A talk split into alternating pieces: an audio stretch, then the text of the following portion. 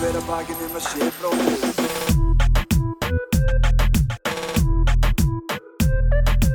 Fyrir hver að bakinn um að sé bróðir eigi.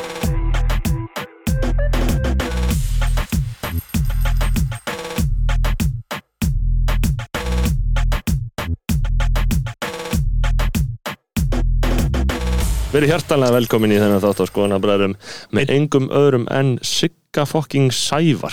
Sigur Sævar uh, myndlistamæður og mestari er stattur núna í uh, Den Haag í Hollandi. Komin út sem við tókum upp þennan þátt svolítið, og svolítið langt síðan þetta er núna uh, við þannig að tekja upp hvað í lók ágúst eða ekki? Uh, við erum svolítið að vinna fram í tíman sko.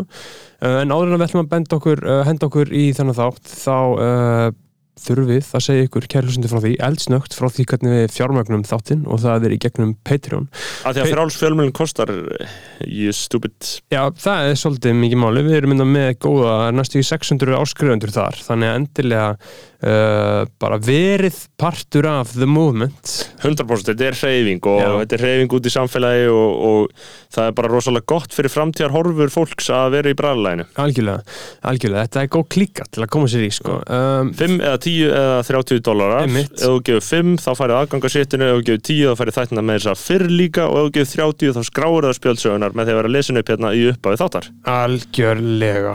Og þeir sem að gera það, það eru Jóhannes Haugur Jóhannesson, Andrea, eh, Jóhannes Haugur borgar 31, þannig að alltaf nefndur aðeins svona meira sérstaklega. Uh, Andrea Diljá Edvinsdóttir, Andrés, Benedikt Bjarnason, Björgvin Helgi, Björgvin Ívar Baldursson, Brynjar Guðmundsson, Erik Ólaf Eriksson, Geoffrey Huntington Williams, Hjörtur Páll Hjartar, Hálfdán Svensson, tónlistamæðurinn Dirb, Júl Dónutin, Mask on Iceland, Sindri Kampan, Skúli Halldórsson, Sturla Snorrason, Tank City, Tank City, Tindur Kárasson, X Nonni X, Ármann Örn Friðriksson sem að bara við kemur í þáttinn í næstu viku. Uh, býði spennt, það var episku þáttur. Uh, Ari Helgason og síðan eru það styrkjakungarnir. Uh, það eru svona, þeir hafa Tandri Snæð Trösta, hann er Já, með hann, er hann, hann er með 100 dólar á mánu, Tandri Snæð Trösta sá mikli fucking king. Búin að vera hérna styrkjakungur einn, í, í toppbaráttunni alveg frá því byrjun frá því mæ 2020 við erum búin að vera á Patreon núna næstu 1,5 ár uh, og Tandri hefur verið uh, þar að styrkja okkur vel Takk fyrir það Tandri. Síðan er það Stefán Daði og hann borgar 105 dollara á mánu. Sá mikli king, hann er búin að vera djúpur í bræðarlæginu núna upp á síðustu mánu. Kunum virkilega mikið að metta það að Stefán Daði. hann er king, king Algjörlega. við talaðum hann að gramminu sko Já, og síðan er það styrkja kongurinn sjálfur uh, sem borgar 111 dali á mánu og það er handból handból CBD-olja uh, og hann, þeir handból fyrirtæki sem að selja þessa góðu, góðu olju, uh, þeir heita hérna, nafnið þeirra er uh, er skeggvöxturinn og kvíðin orðin hömlulaus. Handból CBD-olja skotanir 20 fyrir 20% afslátt. Handból CBD-olja endilega notið hennar kóða skotanir 20 fyrir 20% afslátt af því að þetta er auðvitað ódýrasta CBD sem hægt er að fá myndi ég halda. Uh, endilega tjekkja á þessu, 20% afsláttur er alveg slatti að meira en 15 uh, takk kærlega, handból CBD-olja fyrir að vera að styrkja okkur hérna um 111 dali á mánu eins og þið heyri, þá auglýsum við ekki í skoðan Nei, við bara ekki. en, en fyrirtæki geta auðvitað kipt sér aðgang að uh, Patreon eins og allir við, aðrir. við erum tilnættið til að lesa það sem stendur í nafndálkinum. Já, og þetta, Eh, þetta stendur. Bergþór vill, hefur meira þess að tilnætingu til þess að ganga tölvöld lengra og tala í svona góða 40-50 sekundur um handból Já, bara virðing á þeirra nöfn. Uh, Þannig að ég væri mjög til að sjá önnu fyrirtæki reyðja sér til að rúmsa þessu væri Þetta er greinlega óplæður akus Já, í auðlýsingamennsku á ég, ég, Íslandi. ég væri mjög til Uh, uh, en við ekki að vinda okkur í sko, þetta er episku þáttu framöndan með mínum æsku vini Mhm. og uh, við komum til með að neyta kampavins í þættinum sem er Já. einstæmi einmitt, á þessu sviði. einmitt. uh, Gægjað Njótið vel Fyrir hver að bakinn um að sé bróðir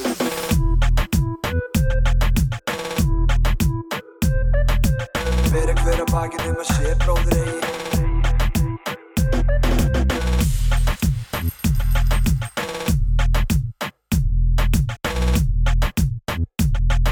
Hún er geggjus ekki velkomin. og ég byrjar að taka upp, við erum velkomin í skoðanabræðir Já, herðu, takk fyrir það. Og við erum ekki að grínast neitt með upphaf þáttar hérna sko. Við erum komið Sigur Sævar í stúdíóið. Og nú erum við að tala um alvöru ritual sko í upphaf þáttar, Siggi. Já, Þetta er í fyrsta sinn. Já, það er komin tími til að við innleiðum svolítið meira meiland Já, heyrðu, ég gæti ekki verið meira Nei. Ég hef verið að tala fyrir þessu í hlaðarprunum mínu held ég sko, on record, Beggi, þú getur vottað það. Ég hef svolítið verið að tala um kampavinn sem svona, Já, eitthvað svona um vín sko. Já. jú, jú. Og ég náttúrulega er binditismadur í grunninn. Já, Já. var það lengi og var mér þessi binditismanna félagi já, svo datt það nú svona upp fyrir sig. Það fór einn og einn að sleppa því að mæta á fundi. Já. ekki það að þetta verið fundir, þetta voru svona hittingar. Þegar, Stuðningshópur. að- þegar við vorum í MR já, þá, voru, þá var mér vinnahópur þannig að, að þegar að Tebo var hjá MR-ingunum þá hittust við hjá einu félaganum og heldum já. Drukkum te. Fenguðu ekki að fá, já, og þið drukkuðu ekki áfengi þá? Nei, við drukkum ekki áfengi, þetta, þetta var svona við vorum allir etru og drukkum bara te sko. Já. og meðan emmeringarnir voru í í, í, hinu, svallinu, sko. Í Eh, bjóra skot, En þú það, það getur líka verið ágætt. Þú þyrftir að fara sko að því að þú hefur svona, já eh, getur sagt sko tekið svona tímabundir hlýja frá bindismanns lífstílum eða Já. svona þú ert að gera út út úr ég, og ég, ég er nú búin að komast að því að, að hérna, það er nú ómögulegt að vera binditismadur Já, og maður á frekar sko, maður náttúrulega byrjaði seint, ég ætli ég hef ekki verið rúmlega 20 ára gamall þegar þetta var svona já, já, svona 920 þegar maður fór að stunda þetta um helgar. Þá var maður nú kannski því bara að fá sér vodka að blanda át í vatn sko, sett Já. í Powerade flösku og röldi bara nýri bæ og södra á þessu og svo þegar maður var komin á bankastræti þá var maður um góður sko. Já, sparaði peningin á, á, á, á barnum Þetta er eitthvað sem við bræður getum myndum gera væri Já. líklegast að gera sko. Já. Já, skinny bitch í párið flösku Það heldur fínt. Og svo, svo var það nú þannig að ég var ég hérna kynntist manni sem er svona mikill vínáhuga maður og hann, hann býður mér í heimsótt til, til sín og fjölskyldu sinnar og hann kynni mig fyrir því að drekka góð vín.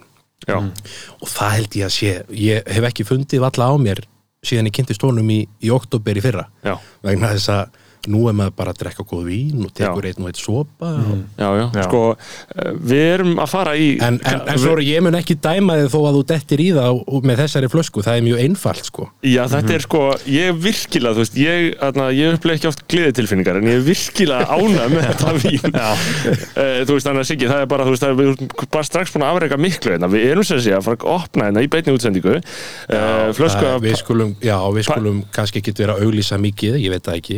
hver, hver, hvernig vínið er? Hvað- hvað kostar svona þetta flaska? er bara kampa, þetta er nú eh, bara svona þetta er kannski svona 7000 krónur Já. kannski. Sakleys. flott á miðugudagskvöldum Já, einmitt, Já. en sko, Já. það, það sem ég hef alltaf sagt og það sem ég hef sagt raunverulega oft, að því að vinur minn Stefán Einar Stefánsson á morgunblæðinu, hann er mikill vín áhuga já, maður já. Kongurinn og ekki bara áhuga Gæti, maður gæti verið það að það sé maður sem að kynnti mig fyrir því Já. fyrir góðum hann, hann er sammeiluvinn hann er sammeiluvinn okkar Stefán Einar. Og ég vona, hann verður eiginlega að hlusta, ég vona Stefán hlusti. Uh, uh, en uh, hann er svona talsmaður þess að drekka kampavinn í auknum mæli á uh, virkundum, að þetta sé svona eigi að vera hluta af daglegu lífi, ekki þetta svona skrítna dæmi að mátt bara vera með þetta í útskriftinni eða hvernig sem það er, skilur þannig að við erum reyn- að reyna að, að uh, í raun og veru hafa hans hugssjónur í heiðri hérna í skoðanabærum og ég ætla að opna þessa ágætu flösku passaðu græjurnar Já, ég, það er að passa græðina En hvað hva getur þú sagt mér um þessa flösku? Hvað við að fara að drekka? ég þetta? er bara... nú, þetta er nú bara eh, svona nýtil komi, ég nú Já. ekki smakkað þessa áður sko. Nei, ertu ekki ég, spenntur? ég er búin Það að er vera leiðilegt að þú getur ekki notað þessa með okkur beggi Það er leðilegt, en. Siggi kom með fyrir mig uh, Hvað er þetta? Þetta er ro ro rosa limonade Botanically brewed þetta var eitthvað ægilega fínt í hagup Já, þetta er Já, já. infused with aromatic rose oil. Ég er bara að opna og fæ mér í glas. Það má ekki vera út undan. Sama tíma á því, nei, mitt, það er bara Siggi, mjög fallegt að það er að koma með uh, drikkjafeng fyrir okkur. Hérna, sko. og núna er ég að opna það, það. ætti ekkert að gjósa mikið úr þessu. Ég opnaði þetta bara eins og við gerum að barnum í gamla þetta Svona rólega. Það er eins og það hefur ekki gert neitt annað. Ég vann við að opna svona flöskur sko. Mm. Um skeið. Ég vinn við það líka í dag. Já. Og þið heyrið Heyrist ekki í magnum það? Nei, ekki alveg, sko. Æ, ég var að vonast eftir að freyðið hljóðið heyrist sko. Hann er ekki, hann er ekki svo næmur, sko. Nei, uh, En þetta eru hágæða mækar. Ég heyri það. Quincy Jones og Michael Jackson tóku upp thriller blöðuna á svona mæk nákvæmlega sama mæk Þú ert bara búin að stúdera það. Já, ég þarf að googla þetta. Já, já, já þú hefur einhvern tíma að googla þetta. Já, alveg og alls konar annað sko. Þetta er bara svona, svona það merkast Gjörðu svo vel, sem var, uh, var, var, var tekið upp á með mikrofón. mitt sko og eins og ég segi, þú veist, að því að við vorum að tala um gleði tilfinningar þar þú veist, ég, þetta var, það er langur vinnudagar að baki það er ánægilegt að vera að koma með bróðum mínum og æsku vinni Já, eru við ekki. Er ég bró, bróðir líka? og bróður. Auðvitað. uh, skálum fyrir því. Já. mm, og, og dreipum á þessari, þessum vegum uh, Og hefjum leika, Herðu, já, það ekki? Nú er komið að mér. Já, velkomin í Siggi. Herðu, takk fyrir það. Sigur Sævar, uh, myndlistamæður, þú ert þarna, uh, myndlistamæður og viðskiptamæður, það ekki? Já, ég er náttúrulega bara listamaður sem er ákvæmlega andkapitalískur í grunninn. Ég vil meina að ég sé fórnalamb auðvaldsins. Já, heyrðu, þú verður að taka bara Kára Stefánsson á þetta Já, Erfitt er, erfitt að vera er ríkur sósalisti. Erfitt að vera ríkur sósíalisti. ég er náttúrulega ekki ríkur sko. Nei, fyrir utan þess að fimm íbúðir og listaverkasafnið. Já, já, það, þetta hefur einhvern veginn svona komið til manns og maður hefur bara verið duglegur og lagt blóðsvita og tár í allt sem maður hefur verið að gera frá upphafi sko. Þú fórst náttúrulega þína eigin leiðir. Já. Um, Já, Þú byrjar að mála uh, mjög ungur. já, ég var að byrja á því eða byrja mínum eigin leiðum, hvar viljum við hafa Sko, þetta? Sko, að því ég náttúrulega þekkti þig alltaf í grunnskóla. Við vorum bara góði vinir hérna uh, alveg þangað til, þú fórst yfir í meðlaskóla Ég fór yfir í meðlaskóla, Já. ég gafst upp á Vesturbæðaskóla Gafst upp á bestabæðskólanum En þú áttir alltaf heima þarna hjá Kjötborg. Ég ólst upp á Já, Já. já. hann er á næsta hotni að frábær staður. Já, í frábæri húsi Þannig að uh, vini mínir sem eru vegan og áttu heima þarna, örgulega í sama hús og þú, eða kannski einu húsi frá. Nei, já, Þau þarna, eru til dæla nýflutt, uh, þau voru búin að búa þarna í uh, eitt ár Já. eða meira já og vissu sem sagt ekki að Kjötborg væri sjoppa. Þau heldur það væri kjötbúð. wow. og að því að þau, að því að þau voru vegan það hefði alltaf ekki hvartla aðeins að mögulega tjekka þinn og voru búin að búa við hliðina á hvers konar Þetta- útkverfa veganar eru þetta hefur þetta? það þyrft að ræða við svona lið. Já, ég er sammála því. Að kynna Þetta sér ekki nærumhverfið Já, fara inn í næstu mér finnst þetta næstu samt alveg verslun. heiðarleg að því að þú veist, þau flytja þarna hvaðan fokking koma þau? Þú veist, Uh, hvernig getur ekki smá áttaði á? Mo- Mosó og Fossfóðinu Já, það hlýtur eitthvað að vera, sko. Þetta hlýtur að vera eitthvað fjarlæð við byggðir, sko, já og fyrir, fyrir lustin sem ekki þá er Kjötborg bara svona klassísk shoppa samt aðeins Já, meira rosalega einstök. Þetta eru tveir bræður sem að rekka þetta Gunnar og Kristján. Kongar. Þetta eru Já, Ma, maður var heppin að alast þarna upp á næsta hotni það var, gefin, það var, það var gerð heimildamind já, um verslununa 2005 eða eitthvað svo leiðis mjög góð mynd. Svona í góðærinu 2000 og- já, ætli hafi ekki verið 2007 þá var þessi mynd í og það sem var svolítið skemmtilegt þessi mynd, ég veit nú ekki hver var bak við það. Hún heitir Hulda Hulda Ragnhildur eða eitthvað svo ok, ok, Kveikmynd að gera konar við gett mjög flotta hluti. Það var sko falin myndavél í vesluninni þannig að þegar fólk var að koma að vesla þá voru líkur á því að það geti bara lent í Mm. heimildamind já, og það voru góða senur og ég þekki hérna konu sem að fekk bóð á já. Frumsýninguna. Svo var bara góð sena með henni það sem hún var að kaupa meðal annars íspinna fyrir mig og, og hérna dóttu sína og sýstu mína og, og þá er hún að, já, Þa- Þetta var alltaf uh, svo sjoppa sem að uh, maður fór og kefti bagg á að maður var átjánara af því að þeir spurðu ekki um skilríki. Nei. Það er svo heiðilegt það sko. voru aðra reglur. Maður gerði sér alltaf ferð í Kjötborg til þess að kaupa sér tóbak þegar það kostaði örgla á þeim tíma þegar ég var 17 ára, hvað, 2012 það, það kostaði svona 700 kall 3000 eitthvað í dag. Já. Um, Sko, Kjötborg, við áfum að fór í Kjötborg En já, við vorum að tala um Blómallagötuna og Melaskólan Já, Sólvallagötuna, Já, Sólvallagötuna, já. Um, uh, Fórstu yfir Melaskóla og eins og ég segja, því ég þekkti þið náttúrulega Mm. uh, uh, ég, ég, ég man ekkert alveg hvernig það aðtekaðist allt Nei. Þú fórst í Melaskóla og varst bara En, en þú veist, fórst síðan bara eiginlega upp frá því bara 7-8 ára aldrei, bara innbyttaðir eiginlega að listinni eða, já, í fymta bekk fer ég yfir í meðlaskóla já, er, það, er það þá? já, ég, ég segi það nú yfirleitt að það hafi verið þannig þó að hérna ég nú dásanlega fjölskyldun þá ég nú svo eftir í gríni að ég hafi farið í meðlaskóla þegar ég var nú sterkur í byrjun fymtabekkjar að geta haldið mér í bílstjórasæti þegar pappa ætlaði að skutla mér í, í skólan sko. Þá þurfti hann bara að kera með mig heim og finna einhverju lausni vegna þess að já, þetta var ekki alveg fyrir mig. Ég veit ekki hvort að maður náttúrulega bara krakkar geta verið grimmir og maður, þú veist, og maður allir upplifa einhverja hluti einhvern veginn sko. Já, og mér fannst, já, mér fannst ég stundum upplýja að ég væri út undan og ekki kannski að fytta inn í hópin sko. Mhm. og þannig fymta bekk, þá var held ég einn bekkur fyrir allan árgangin og ég held að það verið fimm strákar eða eitthvað sko. Þetta var eitthvað svona, þú manst það kannski betur svona Mhm. Já, já. þannig ég fór yfir í melaskóla og var hlift þangað inn og þá var ég komin í bekk með 15 strákum sko. Og það voru þrýr bekkir. Og þá náði ég að finna góðu vinni sem að svona já, henduðu mér sko. Já, Já. það er þannig stundum bara að menn bara passa ekki eitt umhverju en bara passa miklu betur og, ég, og ég var svona punkar í vesturbæðaskóla maður, það var svona langur rampur sem maður þarf að lappa inn. Og þegar að það verið að skutla mér á mótnana þá fór ég þarna upp að þessum ramp og tók svona svona tveggja sentimetra skref í einu, þetta gerði ég reglulega á stundaði svo ég myndi örgulega að mæta seint í skólan eða aldrei, svo hitti ég eitt félagið minn sem var líka svolítið svona punkar eins og ég og, og hann, ég plataði hann í þetta. Svo voru við bara hangand á göngunum og út á skólalóð og mm hann í heilan dag svo kemur dó, hérna móðir hans í einhverju gæsræningu bara og, og segir, hvað eru búin að vera sko og sagt að það verið týndir. Við vorum bara hann í kringu stofuna í, í góðu, góðu tjeli þannig að þetta var nú afslappað sko. En vel hefnuð uppreist varstu vel uppreist. hefnuð, vel hefnuð upp- uppreisn og ég held að að það hafi hérna, það sé líka fínt að vera bara á fjóru, hérna, ekki lengur en fjögur ára á sama staðnum sko. Nei, Já, það er Eh, fyrir tími. Já.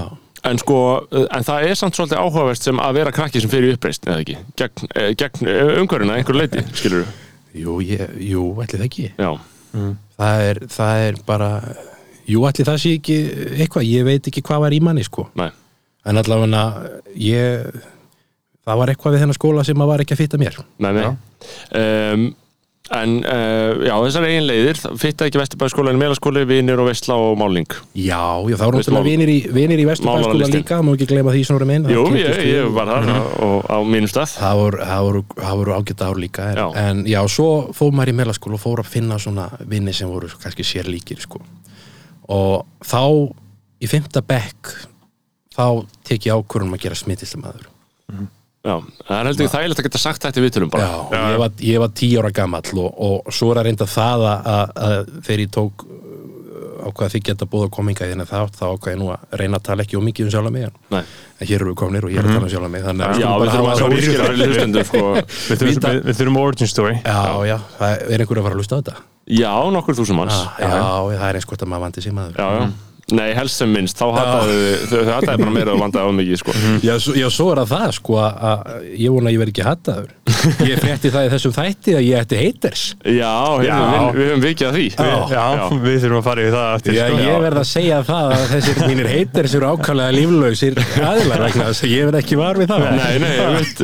Og ég veit ekki hvaða maður ætti að hatast við mig. Nei, nei, En ég, það væri nú ágætt ef að þetta fólk geti talað við mig og gefið sér fram. gefa sér fram. Ég, það var ég er bara það Þú er veist að þau operera ekki þannig. Þau fara, þau eru baku tjöldi svo, Þau eru er skugga er það. Já, eru skugga næturinnar það er, já, það er það eru skugga sveinarnir, sveinarnir sko, Já, þegar þeir skrýða á stjá já sko, þeir Þeir eru alltaf á kreiki, sko Já, það er náttúrulega mjög á, á, áhugavert að eiga Já. haters sem að sko, uh, þú finnur ekki fyrir sko. Nei, Af því að ég- þeir, þú veist, hatrið er uh, alltaf í laumi sko. það er eins og það er sko, maður má ekki stíga á reyðfjól og þá komið mótvindur sko. Nei. það má ekkert gera í þessu lífi nema það sé einhver komin að móti manni sko. Já, þetta er eins og eitthvað sé Já, en, en ég held að ég sé nú bara heiðalegu maður og komið vel fram við alla menn en, en, en það er kannski að maður næri einhverjum árangri en, en Já, sem, þetta er að, sko- sem að það kemur sko. Þetta er eitthvað kosmíst jafnvægi, sko. Þetta er heimurinn að reyna að halda öll í skefjum Í alvöru. Ég held að heimurinn hafi bara tilneyingu til þess að halda öllum sirka í öfnum, sko. Og svo fer einhver að gera eitthvað og fer að rísa, sko. Og þá, og þá er öðru fólki ógnað og þá byrjar það ekki það að ég sé eitthvað að rísa. Nei, nei, er við erum að sötra hérna frábært kappaðina meðvitaðskvöldi uh, á hverju skvöldu um, en uh, Já, við förum, við, förum yfir hattarna uh, við í hattarana. á, á, á eftir já, sko. það er svoleiðis Já, á eftir. Það líst mér vel á. Þannig að þú verður myndlistamæður og þarna og byrja bara, þú veist uh, Mála? í, að mála. Ég fann eitthvað þarna, ég var náttúrulega var alltaf skapandi og þegar ég var í Vesturbæðaskóla eins og snorri mann eftir þá var ég mikið að smíða. Já, og ég fann svona, fann svona ástriðun í, í smíðunum að vera að skapa eitthvað. Ertu ennþá góðu smiður? eða? ég kann að hengja upp myndir. Já bæði nagla, nagla og, og Hvað er skrúfur og best? allt saman. Hvernig á maður að hengja upp mynd á svona það fyrir bara eftir þingdinni sko. Já, skemmtilegast eru naglanir, sko, ég verða að viðurkenna það. Já, en og ertu ekki trættur um að, að það komi gat í vegginu og svona, þú veist, hengi maður þá bara eitthvað yfir það eða ef, ef að svo fer? Hefur þú einhvern tíma hengt upp mynd eða? Já, nei, ég, Er þetta þínar pælingar þegar þú Nei, sko, sko, ekki ég, nagla? ég, ég hef, ég, hef, ég hef nelt nagla og Já. nelti minn, en þú veist, það verður sundur suppulegt og ég var að hengja upp sjónvarpum daginn, þá var ég að bóra, Já, sko. það er, það, það er,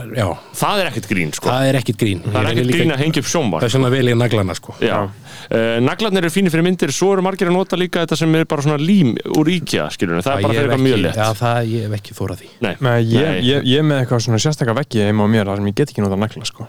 ég þarf að bóra eru þau gifs eða? þetta er bara eitthvað svo harðir, ég veit ekki sko, Já, að þú getur bara ekki nelt í þá basically já. Já. og ég hef reynt Já. og gerði gat í veggin Hvað maður að gera þá sig ekki? hálna gat Halló?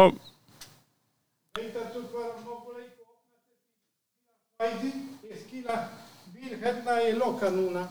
Uh, bílastæði? Já.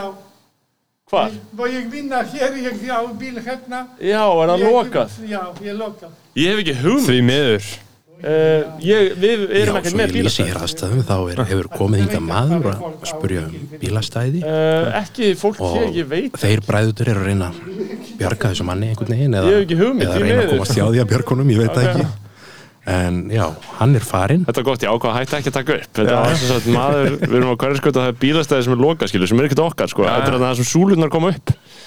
Hann er lestur inni. og hann er lestur inni greinlega í bí, bílastæði Ég hef samúð með aðstæðan hans sko. Í kjörgarði heitir þetta. Heyrðu Siggi, ég er að- að herðu, að- sérðu, nú hella sjáu smá. þið Já, þú ert búin með glasið. Já, ég er drikkveldur maður. Hvað hef ég, ég hef fengið mér svona þrjásopa já, aðeins þannig hófsamari að ef að ég ætla að segja eitthvað merkilegt í þessu viðtali þá er eitthvað að ég fara að rífa mig í gang. Já, þú verður að fara að rífa í gang. En þarna, hvar vorum við áður en þetta ágæta atnik hérna? sko, Eh, við vorum að tala um að hengja upp myndir. Já, hengja myndir þetta ég, Já, ég hef áhuga sko. Það, það, það sko. er vesen sko. Já. ég með, held ég, fjóra-fimm myndir heima sem að liggja á gólfinu af því að ég kann ekki að hengja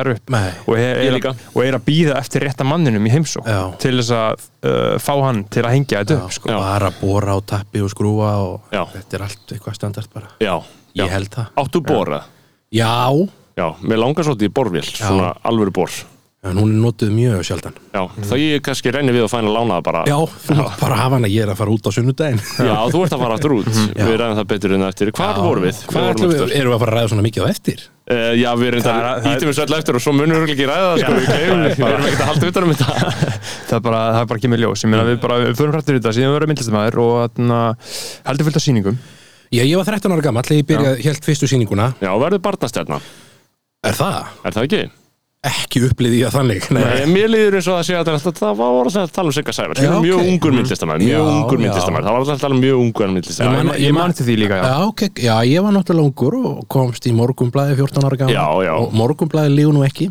Nei, Og- hefur ekki logið. Nei, og það var, það var ég held fyrst sýningu 2011 og það var nú svona bara vinir og, og, og fjölskylda og svona sem að keftu verk þá. Já, ekki það maður hafi verið að selja eitthvað mikið og þetta var nú ekki dýra myndir. Nei, um, svo held ég sýningu þarna sveipa leiti vestubæðalög einhverju, einhverju setna og það var hún sem að, sem að ég tók eftir í þá fór fólk að taka eftir manni. Mm að ég, það eru náttúrulega svo margir sem að fara í þessar lög sko. ákveða gott að vera með sýningu í, í Vesturbæri, já, fólki leiðist svo mikið í andirinu, Já. það fer svo mikið bara að horfa í kringu sig. Og þetta voru svona allskins verk bara svona sem að var að leika sér og, og þróa sig áfram og, og maður er stöðut í því ferli og svo var það hérna þarna ári eftir fyrstu sýninguna 2012 þá fæ ég viðtalið í morgunblæði og það var svona fyrsta skipti sem það kemur eitthvað ókunnut fólk og leita til manns með og myndur þú segja að viðtali mokkanum hafi haft áhrif og fundið fyrir bara Algjörlega. ég held þarna sýningu og hún seldist upp sko. Já, já, og ég var 14 ára gamall og það var þannig að ég var, búin, ég var að, aðeins sund, aðeins sund í 11 ár. Og ég var á leiðin til Spánar í æfingaferð. Og svo kemst ég að því að æfingaferðin átti að vera á sama tíma og menninganótt og ég er búin að vera að sapna flöskum og dósum og selja allir í fjölskyldunni og ættingjón og glósupapir og lakrís til skiptis. Og svo fattaði að þetta er sama, sama tíma og menninganótt og ég segi við móðum minna herðu ég ætla ekki að fara í þessa ferð. Ég ætla að halda sýning á menninganótt og hún sagði nú að það getur nú vel verið að fá er ekkit einhverja sýningu eða svoleiðis svona, eins að halda mér á jörðinni sko. mikilvægt. En svo sótti ég um hjá menninganótt þeir auðlýs alltaf svona árlega, viltu vera með sýningu? Og ertu með einhvern sal? Og svo verða að para svo saman og, og ég sæki þarna um og, og þá fæ ég að sína, halda sýningu með tveimur myndlistamönnum sem að eru svona, já, hvað flokk þetta er svona nýja málverki, þetta eru menn Sigurður Þórir og, og Sigurður Örlegsson blessu sem minning hans, þetta eru svona menn fættir, já, 40 og eitthvað og svona reynslu boltar og ég þekkti þá aðeins að þið farið á sýningar hjá þeim og svona.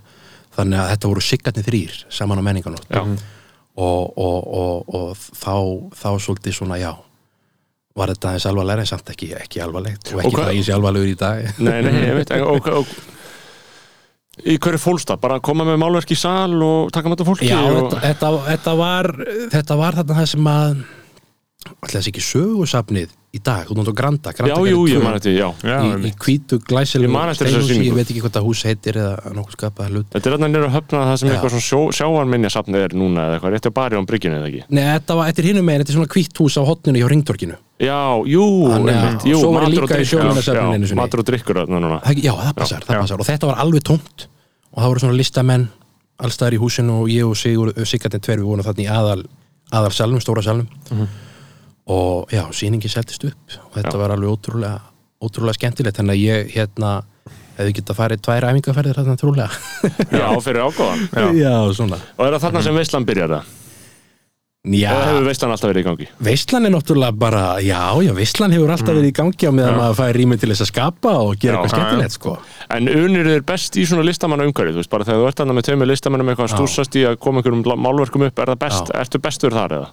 Uh, hvað er maður bestur, sko? Ég er náttúrulega í akademíinu núna í Hollandi og við erum kannski þá að hoppa eitthvað en það verður að hafa það. Mhm. En þá er maður í svona listamanna umhverfi, sko. Já, Það getur verið erfitt, sko. já, Hvernig, ég meina, við hoppum bara Já. Förum yfir til Hollands Já, munum Den hvað við erum, við erum hérna 2012 Já, við nú ætlum við að fara til 2019 ferðalag þegar, að- þegar ég fer í akademíuna. Já. Já, og ég meina, já. hvað er þetta? Konunglega Akademían Já, þetta er konunglega listakademíin í Den Haag svona, ég ætla að þetta sé ekki svona 700 nefndur skilins mér.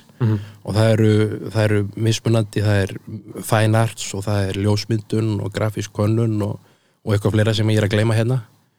En þið fyrir ekki með það, ég er búið með hálft búum að hátt kampið Það er alltaf leið Hátt inni á bót. Já, og, og, og ég er að læra þarna sagt myndlist, fine arts fer vel um hann Já, og þetta eru þetta 50 krakkar sem að komast inn þarna í þetta nám. Og þetta umsóknarferli var svolítið flippað sko. Ég mætti í eitthvað viðtal til Hollands ég hugsaði með mér, það var búið að taka þetta í Skype eða mæta á staðinn. Og ég er ekki mikill námsmaður.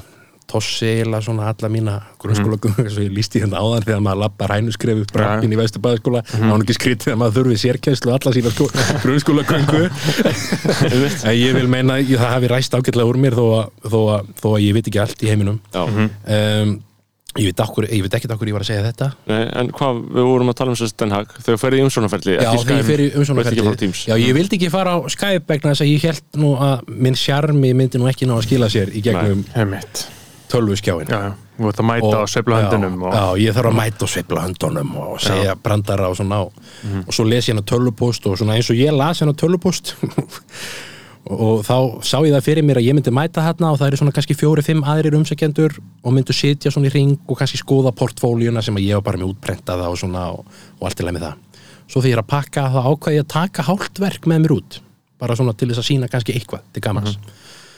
Svo fer ég þarna út er tvo daga, nei já fjóra daga í Amsterdam og svo fer ég yfir til, til Haag og er þar í þrjá daga bara á, á að hugsa hvað maður getur nú sagt merkilegt ef, að, ef að eitthvað er.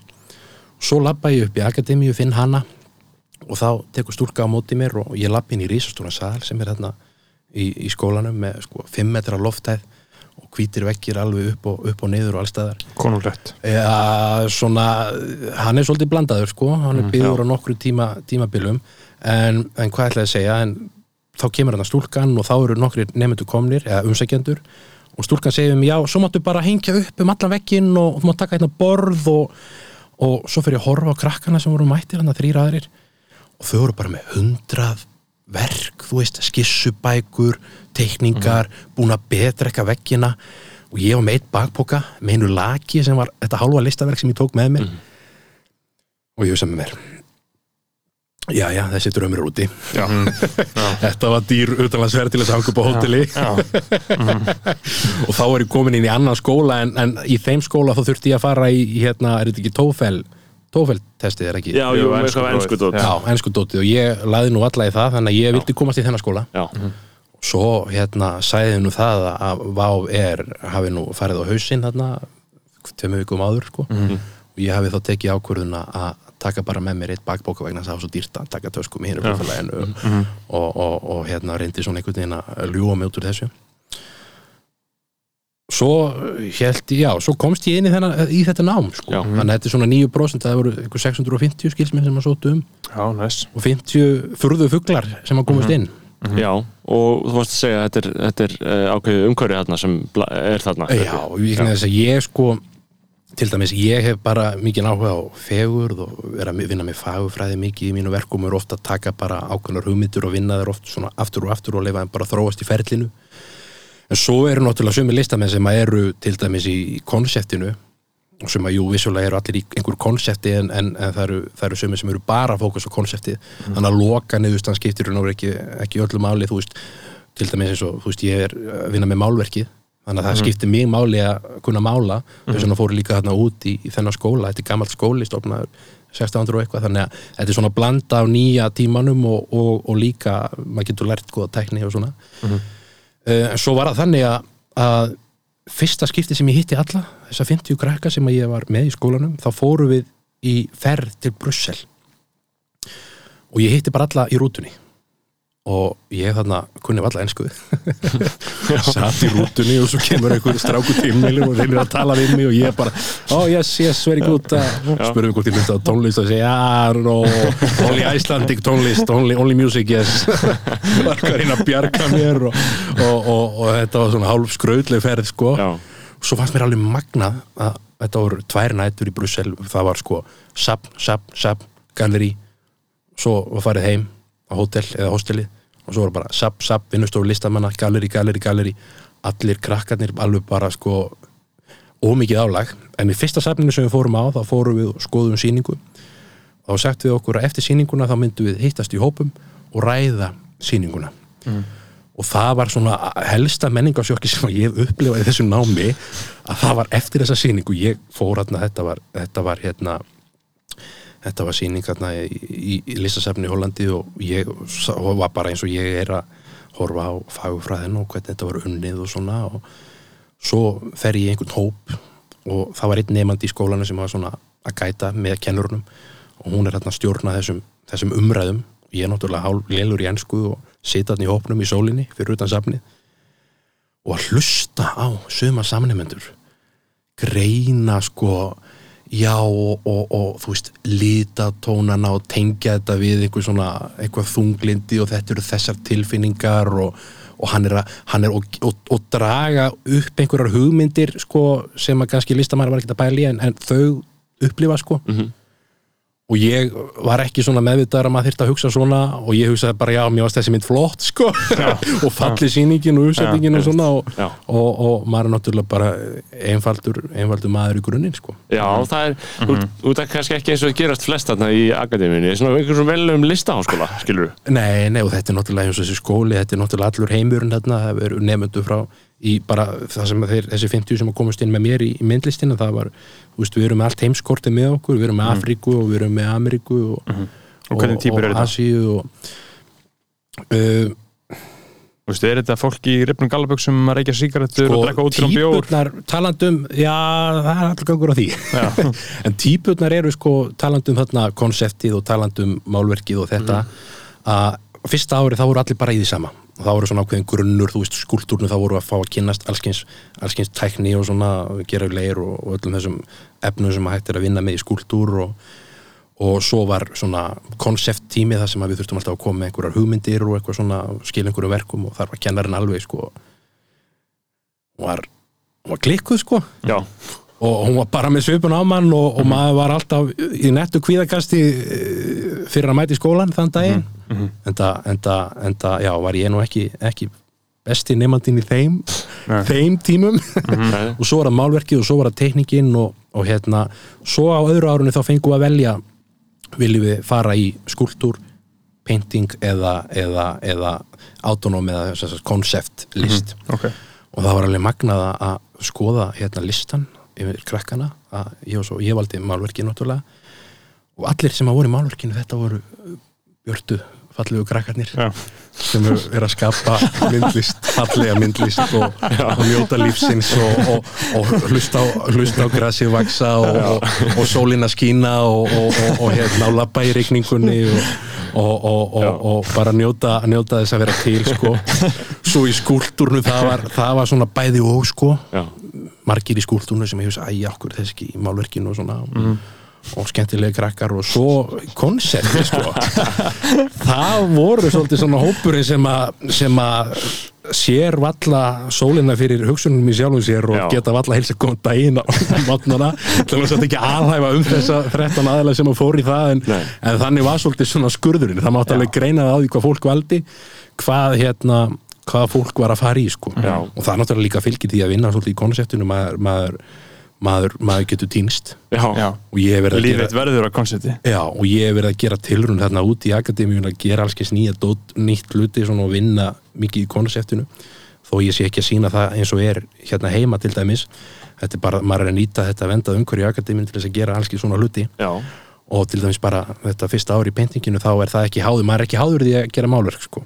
Þetta er bara svona, þú velur þessa deild og fær þessa kennara, en svo máttu alveg gera skúltúra og gera allt bara, þú veist, þetta er alveg og það uh, stó, hérna, flott trésmiðaverstæði og, og hérna og, og, og allskins hérna, allskins dót sem hægt er að gera í þessum skóla og brentvestæði og allt sem þú þarft.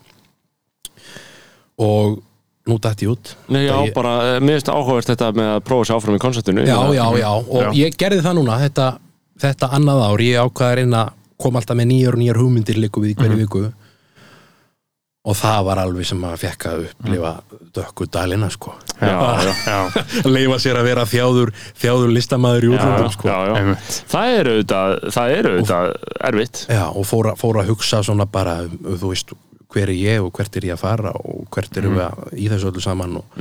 Þú gæti kannski enda sem bara vel þunglitur koncept listamæðis já, já, Já. ég get alveg séð það fyrir mér og ég er líka að stefna að þangað, sko Sko, koncept, ég meina er, er, Ertu með skilgreiningu á því nákvæmlega hvað Já, það er? Já, svona, svona einfalt þess að skilgreiningin er náttúrulega bara það er ákveðin hugmynd, sko Mhm. og Eins, getur þú tekið dæmi? til dæmis bara, neða, ég sko svo ég útskýraði kannski fyrst bara þá er það náttúrulega bara svona ákveðin hugmynd og til dæmis ef þú ert að tala um í konsepti list þá er það náttúrulega bara hugmyndin á baku verkið og þá er það þannig að hu- hugmyndin skiptir meira, meira máli heldur en það sem þú sérð sko. Produktið Já. Já. og þá getum við til dæmis talað um það að við getum snúið stól á kvolf og talað um það í 30 mínútur sko. Mhm. þú veist, það er svona konseptið á baku verkið sko. þetta er hérna ádela á á Vinnustæða menningu já, vinnustæðamenningu og feðraveldið og, Já. og, og, og, og allt sem að þarf að tækla í samfélagi mannana sko. Já, ádela á kási Bara lí, líma banan við vekk og segja að þetta er kási já, já. Já, já, já og, og, og, og konceptið er ekki fyrir alla Ég, jú, er náttúrulega konseptið er náttúrulega grunnur en öllu samt sko. Já, það er hugmyndin sko. Já, en svo er bara spurning hvernig maður, hvernig maður vinnur með það eins og ég, þú veist, mín verkur er unnun út frá konsepti en það er, það er nú samt þannig að til dæmis í mínum verkum að ég er alltaf að vinna með sama konsepti aftur og aftur sko. Mm. Þú veist, og það er hægt að, er að gera það sko. og hvaða koncept er það? Get- mitt konsept Ertu með það í stuttum máli? Mátt líka hafa því löngumálu Við höfum Nei, tíma. já, er það ekki? Þú Þú þú klukkustund ert að verða búið með tvö glös Já, ég er með þetta botnirinn og ég er, sko. ég er komið með hálft glas. Já. ég þarf að fara að ríða mig í gang. Þannig að viljið þið tala aðeins og ég ætla að fá mér hérna Já, fáðu smá sopa? Beggi, ertu ekki ánægð með hvernig þessu eru að vinda fram? Þú ert þú ert ánægð með kampaðinni, eða ekki? Ég er ánað með sko kampáinu og minn hérna, Rós Limonæ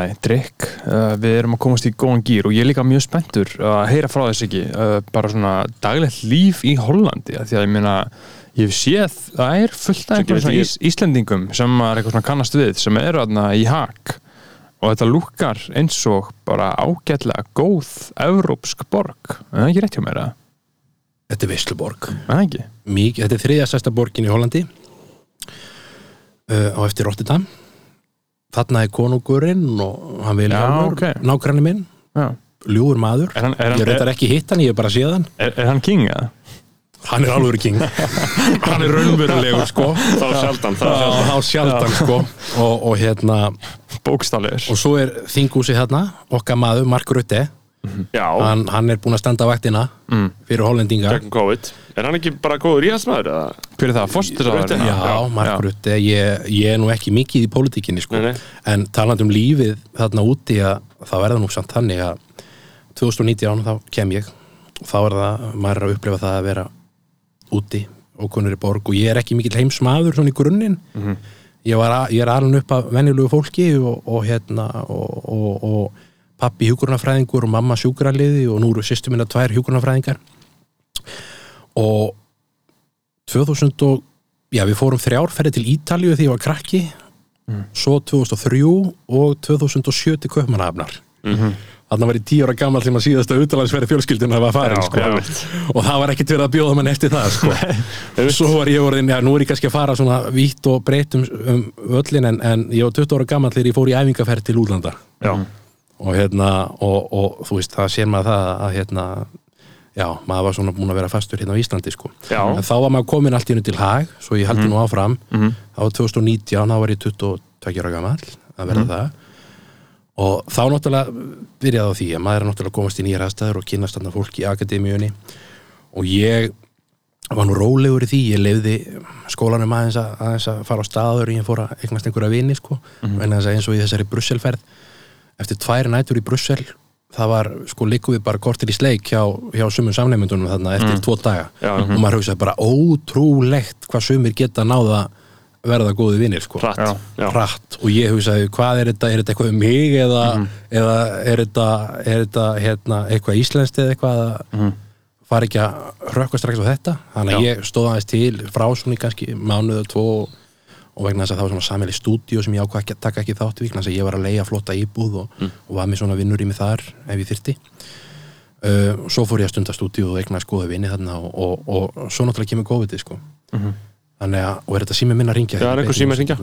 þetta náttúrulega gengur ekki sko. Nei, nei, það er alltaf læg, við Þetta er viljum góða slýs lagi. inn í miðin þetta það er ekki Jú. Jú, jú. Þetta Allt í er, lagi. þetta er hann pappi minn og ég, Já. og ég að skella á hann Já, e- e- eða Nemo vil Nefn- svara Nefna þessi mikilvægt sko það er hann lítur að fyrirgefa mér í þetta skipti Já, Ekki? ég talaði við hann í hátteginu já ringi hann kannski í fyrramálið Þú heyrir í honum í fyrir málið eða í kvöld og fær kannski svirum um, Já, vorum að tala um vinnurými og, og fólki Ég menna þú varst ekki alveg að tengja alveg, strax Nei, ég bara tók það ákvörðun líka sko. Já, Já. þú veist, maður vil vita hvað fólk stendur og, Já. og, hérna, og þá kynntist ég bara krökkum sem ég var búin að sikta út og, Mhm. og, og náttúrulega búin að kynna þessum krökkum í dag og svona en, já, en, það var dásanlegt og svo náttúrulega kemur heimsfaraldurinn sko. Mhm. og þá er maður bara svona ný farin að koma í rútinu og Hittust við ekki Berlín bara rétt að hann hins var alltaf skellir á eða? Við, jú, við Eða vorum desember þetta eða í janúar? nó, nóvember Já, nóvember, já ég held að það hafi verið fyrir, fyrir 2019. já, þá alltaf ég myndi bara að njóta þess að vera á meilandin og Já, já. frakka á milli, fótt til Fraklands og fótt til Þýskalands og, og svo náttúrulega kemur COVID-ið þannig að, en, en sömuleiðis þá er það náttúrulega þannig að maður er í þessari akademísku búblu sko. það er heimili mitt og svo er það skólinn sko. og maður er búin að vera að labba þarna á milli þegar maður er þarna út af hana borð sko. en því miður það verður allt lítið um það en, en, en þannig að maður er svolítið, maður er svolítið hlekkjaður við skólan og, og, og það sem að maður er að snúast í þar sko. þannig að Og hjá komin samfélagið þarna úti er kannski ekki svona sem að ég hef náða að greina sem skildi maður er svolítið sam, Þetta er samtölu náttúrulega einangrað fyrirbæri að vera Já. innan akademíunar, vera inn í listdæminu. Í þessari búblu sko. í búblunni. Búblu, En- búblu þjáningar En mér finnst það svolítið fyndið sko, en þess að þú hugsaður þetta út, sagt, utanfrá þú ert kannski bara einhver hérna, hérna venjulegur uh, maður á, á Íslandi og hugsaður, já, já, þú veist lífuna listapakkið, skilur, þetta er eitthvað listrænt pakk. Þá gætir þú kannski svona á venjulegum degi fallið bara inn í uh, þann hóp og verið afgreitur sem listamaður, sem er listaháskóla og listapakk sem Já, já, er ekki ég hluta er vennilega lífinu. Ég er það. þú ert það náttúrulega. Já, já. en á sama tíma þá má alveg greina ákveðna fylkinga skiptingar auðvitað innan listarinnar skilur að þetta er ekkert, þið eru ekkert all- alveg eins. Það er fólk sem vil kannski hafa þetta bara svona snirtlegt og fallegt fyrir, máling, fyrir málverka dæmið og vill bara uh, leggja áherslu á fagafræðina aðri sem eru aðna, í rifnum fötum og vilja vera í konceptinu skilur þetta er skipting. Já, það er bara eins og í lífun öllu. Já, það er ekki allir, það er ekki allir hérna, það er ekki allir rafvirkjar eins sko. nei, nei, einmitt. Þeir eru bara mjög mismunandi. Já, og er, tölvunafræðingar eru líka mjög mismunandi. Og lögfræðingar. Þeir eru sannlega Ef að tala um lögfræðinga Já, ertu með á Hvað hvað finnst þér um þá? ég, ég er mjög hrifin af lögfræðingum. Já, Já. og, og maður tók eftir því að það var ein starfstjætt í COVID-unu sem maður hætti ekki að taka í hendur. Mhm. og það voru lögfræðingar ég er náttúrulega vinn við það að taka á móti gestum Já. sko. Já, og lögfræðingarnir þeir voru í spaðanum sko, í gegnum allan heimsvaraldurinn já, sko, ég er tíð fann að fíla lögfræðingar svolítið. Já. Beggi, þetta eru staðfastir það er svona aðeinar rosa típist Beggi að hata lögfræðingar Já, hann Ég- hann- hann- hann- Bergþór er náttúrulega svolítið erfiður í því. Hann er svolítið að hatta Já, finnst Beggi. það? já, eigum við að tala um aldamóta böndin öll eða? Já, jú, ég er með því Það er það fæ ég ekki öruglega óskalag á eftir við lók þáttar Það er Já, náttúrulega ég, hann er ég hætti búin að missa mig sig og ég er komin aftur niður til Beggi en, en, en ég, ég meina ég elska töluvert meira en ég hætta Já, og, já, ég, það er og, og ég tek auð, ég, ég, og ég er komin í það að ég tek uh, alla bollaleðina sem hann talaði um að, þú veist, að segja eitthvað sem lélegt Já. og gaggrina er að því við viljum hafa heiminn betri. Við viljum gera samfélagi betra skilur. þannig að öll gaggrinni kemur frá uh, kærleika. En við ætlum samt ekki að tala illa um tóttmóbílinni Írafár í þessu Tóttmóbíl er með góð, góð lög. Eith- Eithor Arnalds. Er, er, það eru góð lög það ég, ég, ég, bara, ég, ég hef ekki hlustað. Það eru bara alveg svakalig lög Tóttmóbíl sko. Þarna var svona hugmyndin að blanda poppinu og klassíkinni saman sko. og var örgulega, ég menna voru alveg okkur strömmkörf svona í poppa, þetta var alveg svolítið frumlegt skilur Já, ég hættur um það. Uh, en þarna, hvað var að tala Það um voru að bera lögfræðingana? virðingu fyrir menningararfinum. Já, og ég geri það, auðvitað, auðvitað. Já, já, og þetta er auðvitað hlut á sögunni Já. við höfnum því ekki, sko Já, já. Og, og ef við höfum eitthvað, þá er það miklu frekar atna, eins og Stefán Máni sagði á Twitter um daginn Já, stöðmenn, Stuðmenn. skítamóra Já. Allar þessar Herru, ég þarf mitt að fara að halda áfram Ég er að fara hérna uh, mála mynd. svæðið núna Já, en, en, en við, við fýlum við fýlum Bubba, Já. við fýlum Megas Já. Uh, Þetta er allt svona vinstri, vinstri gemlingar Er sko. það ekkit í spilverkinu? Já, ég hef ekkert alveg dottið inn í Nei, sko. ekki skilja það sko Ég er nefnilega sko, ég byrjaði þar sko Já, Þegar ég byrjaði að hlusta á tónlist í Fýla hljóma já, Já. hljómar spilverkið mitt band sko. Þar, þar byrjaði ég að þróa minn já, Spurning hvort að það sé rétt að upp að því, ég veit það ekki. Ég held ég sé ágætlega heilbriður í dag. Já, uh, þá fór ég eftir hagaskólan sko, þetta var svona, ég, ég var setna að byrja að hlusta tónlist sko. og sýsti mín hún átti til dæmis svona a- uh, tónlistagræju, Apple. Hvað ég héti, e eitthvað iPod. æ, eitthvað, já, iPod, eitthvað já. og ég var alltaf að segja við hana að þetta væri nú ekki sniðu tæki og, þetta, og við vorum stundum að fara á ringin svona með pappa og keira ringin og það sem amma bjóð fyrir austan. Og þá er ég að hlusta á pappa að segja alltaf sögurnar og svona með að sýsti mér var aftur í með, Já. með tónlistina sko. Mm þetta getur nú ekki verið er svona, ég, ég kalla þetta svona, svona heimskingja þetta er svona, svona heimsku, heimskjandi já, áhrif. nú skulum við bara spóla aðeins fram í tíman og á hverjum degi þegar ég vakna þá set ég eirun á mér sko. Já, ég líka fram á kvöld. Já, ég líka, ég er orðan líka. Enda, enda er ég kannski heimsku maður í dag það getur verið. Já, já. en ég held að það sé fórnarinnar verði bara hérna að fá hlusta góða tóna sko. Já, Já, en já. en eh, heldur að þú væri lögfræðingur og væri ekki listamæður? nei, ég væri smiður bara. Já, já. Já, gott svar. Ég reikna Gera- með því, gera bara að gera eitthvað svona skemmtilegt sko, vinna með höndunum Já, Já. en sem starfstjætt þá eru lögfræðingar ekki upp til hópa uh, að gera samfélagi betra sko, uh, að gera heiminn að betri stað sko, þeir eru að vernda uh, allt það svona ömulega sko, uh, er það Kill, ekki? kill the lawyers, sagði. Shakespeare. Já, Kill all the lawyers. Já, það, Viltu, viltu, já, hérna, það hérna, getur já, nú er ég þótt að ég hafi nú ekkert á mótinum lögfræðingum persónulega sko, en svona kerfislega séð þá eru þeir uh, Þeir eru svo skemmtileg, þeir margir. hafa lesið svo mikið að leiðilegum texta Ég tengi vilt eitthvað við það og svona á því stíi sko. já, Þú veist, Eh. eru svo margir skemmtilegi lögfræðingar svona, í einhver svona villi-villi skemmtilegur Já, það er sérstætt val Það eru, já, Já. En það er svona, ég, skemmtilegu karakter Já. Ra- Ragnar Aðalsteinsson er king hann er king já, Já, en svo er líka allt þingið upp fullt af lögfræðingum sko. já það er svolítið það mikilvægt er sko. nú sk- stuðboltar. Já, Brynjan Níels, okkar maður. ég, ég er nú skráður í nokkra flokka og Já, já, þú hefur alltaf við förum yfir það eftir.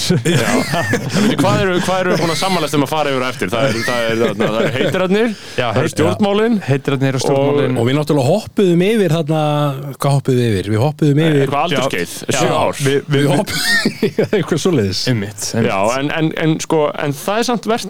Já, Já, það það það, hvað gerist þarna? Ég meina, ef, ef við tölum um að þessi menninganótt hafi verið valdið strömkurum að einhver leiti, þetta varstu bara að selja list Þetta var að 2012 einhverju ráði í fyrsta skipti. Já, ég seldi svona til fólk sem að þekkti mig ekki já, persónulega. Já, einmitt, sem var ekki bara að gera það greiða. Já, sem, að, sem að var hrifið að mér og, og vonandi verkunum sem það kefti Já, og þá voru hundar. Það var einn hundur. Það var einn hundur. Sem að sem að uh, hátt settur embættismæður kefti sem var, sem var Sæðlabankastjóri gamall komi í gamla daga. Já, og ég, ég hérna, þannig að það var, það var ágætt. Já, Já, á þess að við séum að nafngreina einhverja hér. Nei, einmitt, já. Mér myndi að það hefði verið sæðlabankastjóri, ég fer ekki lengur um það. En, ég veit það nú ekki. Nei, en það var sem sagt þá og það var 2012 og það, það veldur ströngur um einhver leiti þá byrjar að geta bara verið fær ekki sjálfströst á um að bara byrja að sína það? Sjálfströst Já, Jú, ég, eða en margælt, þú valdeflist við þetta? Já, verð það ekki? Já. ég held það það, hafi, það hafi alveg verið þannig og alveg frá upphafi þá hefur engin beðið um það sem að ég hef gert. Þetta hefur bara verið algjörlega frá mér komið, það er engin engin í fjölskyldunni búin að vera eitthvað að pressa á mig eða einhverjir menn eða hvað sem það er. Þetta eru bara mínar hugmyndir sem að ég hef haft gaman af því að framkvæma. Já, og, og ég hérna hef svolítið alla minn feril gert bara, já, voru svolítið ábyrða því sem ég hef gert og verið ófeiminn og, og hrættu við það að taka sal og halda sýningar og koma mér á framfæri sko. Skiptir ekki máli að taka vel á móti fólki eða?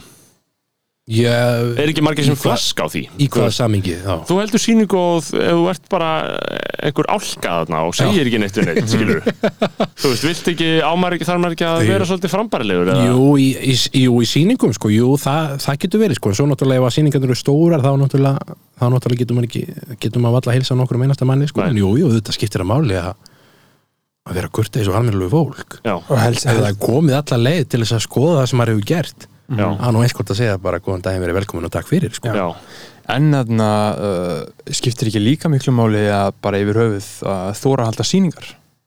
Og keira það áfram? Jú, ég held að það sé Er það ekki mikið svolítið, uh, svolítið sem að vann rosa mikið Jú. með þér? Jú, ég held að það sé allt og mikið á hæfileika fólki út um allan bæ.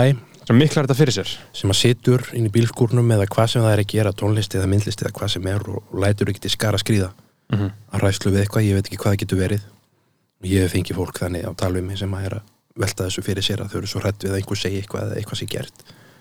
Halló, sko.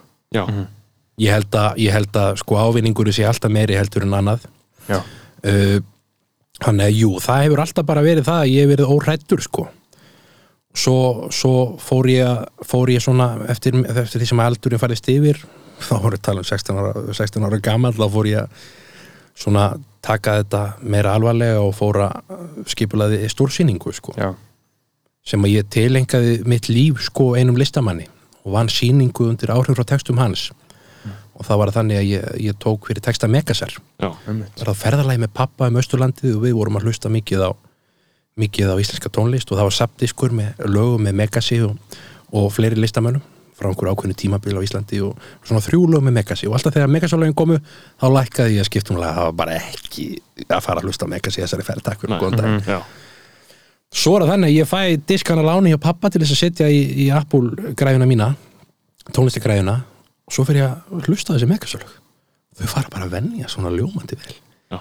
ég fer í bókasafnið og tek diska með megasi og fer að rýna í textana og pæli þess og ég bara sko fekk svo stóru textabókina sem er búið að gefa söngtextana hans út í, í hérna bók í jólagjöf svo í byrjun ást 2015 þá fæ ég þess að hugmynd sko veist, það eru margir harðir megaseraðatöfundur ég vil meina að ég hafi verið allavega svona topp 20 listanum sko. Ok. það hann bara gjössamlega ég var bara gagtekin að þessu og, og hérna og þá fæ ég þessa hugmynd að vinna verk undir innbrættir frá textu megasar sko. Og náttúrulega þá þurfti ég náttúrulega fyrst að heyra í honum og, og fá svona smá leifi frá honum. Og þegar það gekk í gegn þá byrjaði ég að vinna þessari sýningu. Hvernig tók hann því? fyrst sko það var ímislegt sem að gerist þessu ferli.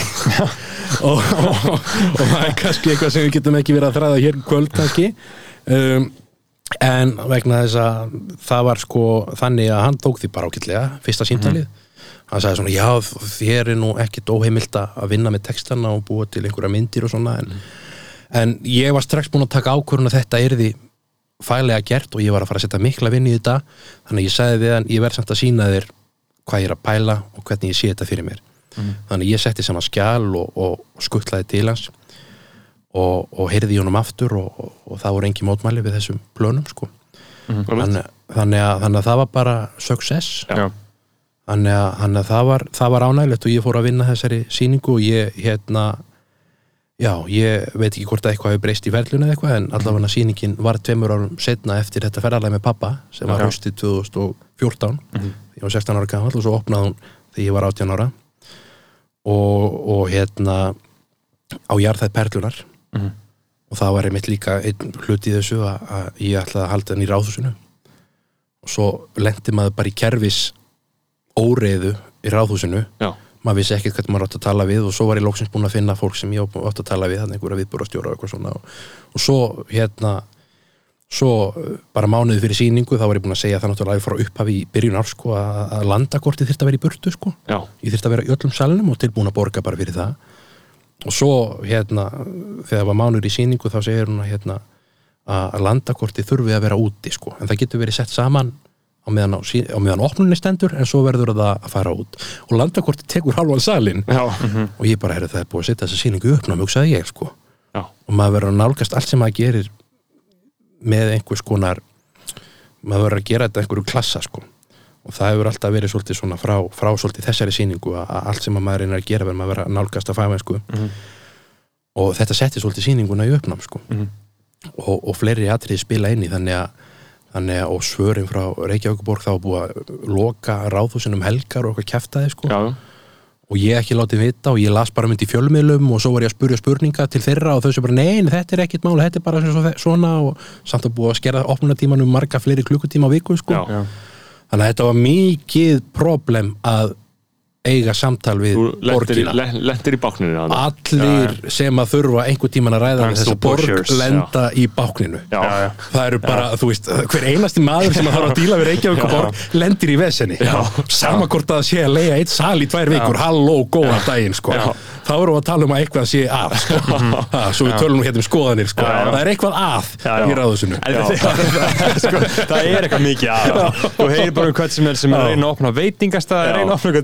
að að að eitthvað þá er bara að fokking berjast við báknir í tvö ár að til að fá einhver leifi ég ætla að halda eina sýningu sko. Já. myndlista sýningu. Komin með málverk, setjaðu upp og allir sáttir Já. og ekki flóknara. Og ég hef líka heyrt bara, bara arkitektum, arkitektastofur, Já. skilur sem er að hann eitthvað hús og gera eitthvað. Það er alltaf bara já og svo fyrir við alltaf bara í þarna, síðan vinnu við bara tvo dagi viku af því við erum alltaf svo lengi að býta svörin frá Reykjavík skilur, og fyrir alltaf bara í fimm mánuða sumafrí af því að þú nærið einhver í gegn gegn báknið hugsaðu þér ég, ég veit ekki, á, ég veit á ekki þetta hverra að vera svona? Já, ég veit ekki hverra, hverra sko, sko, hverra hagsmunum þetta þjónar.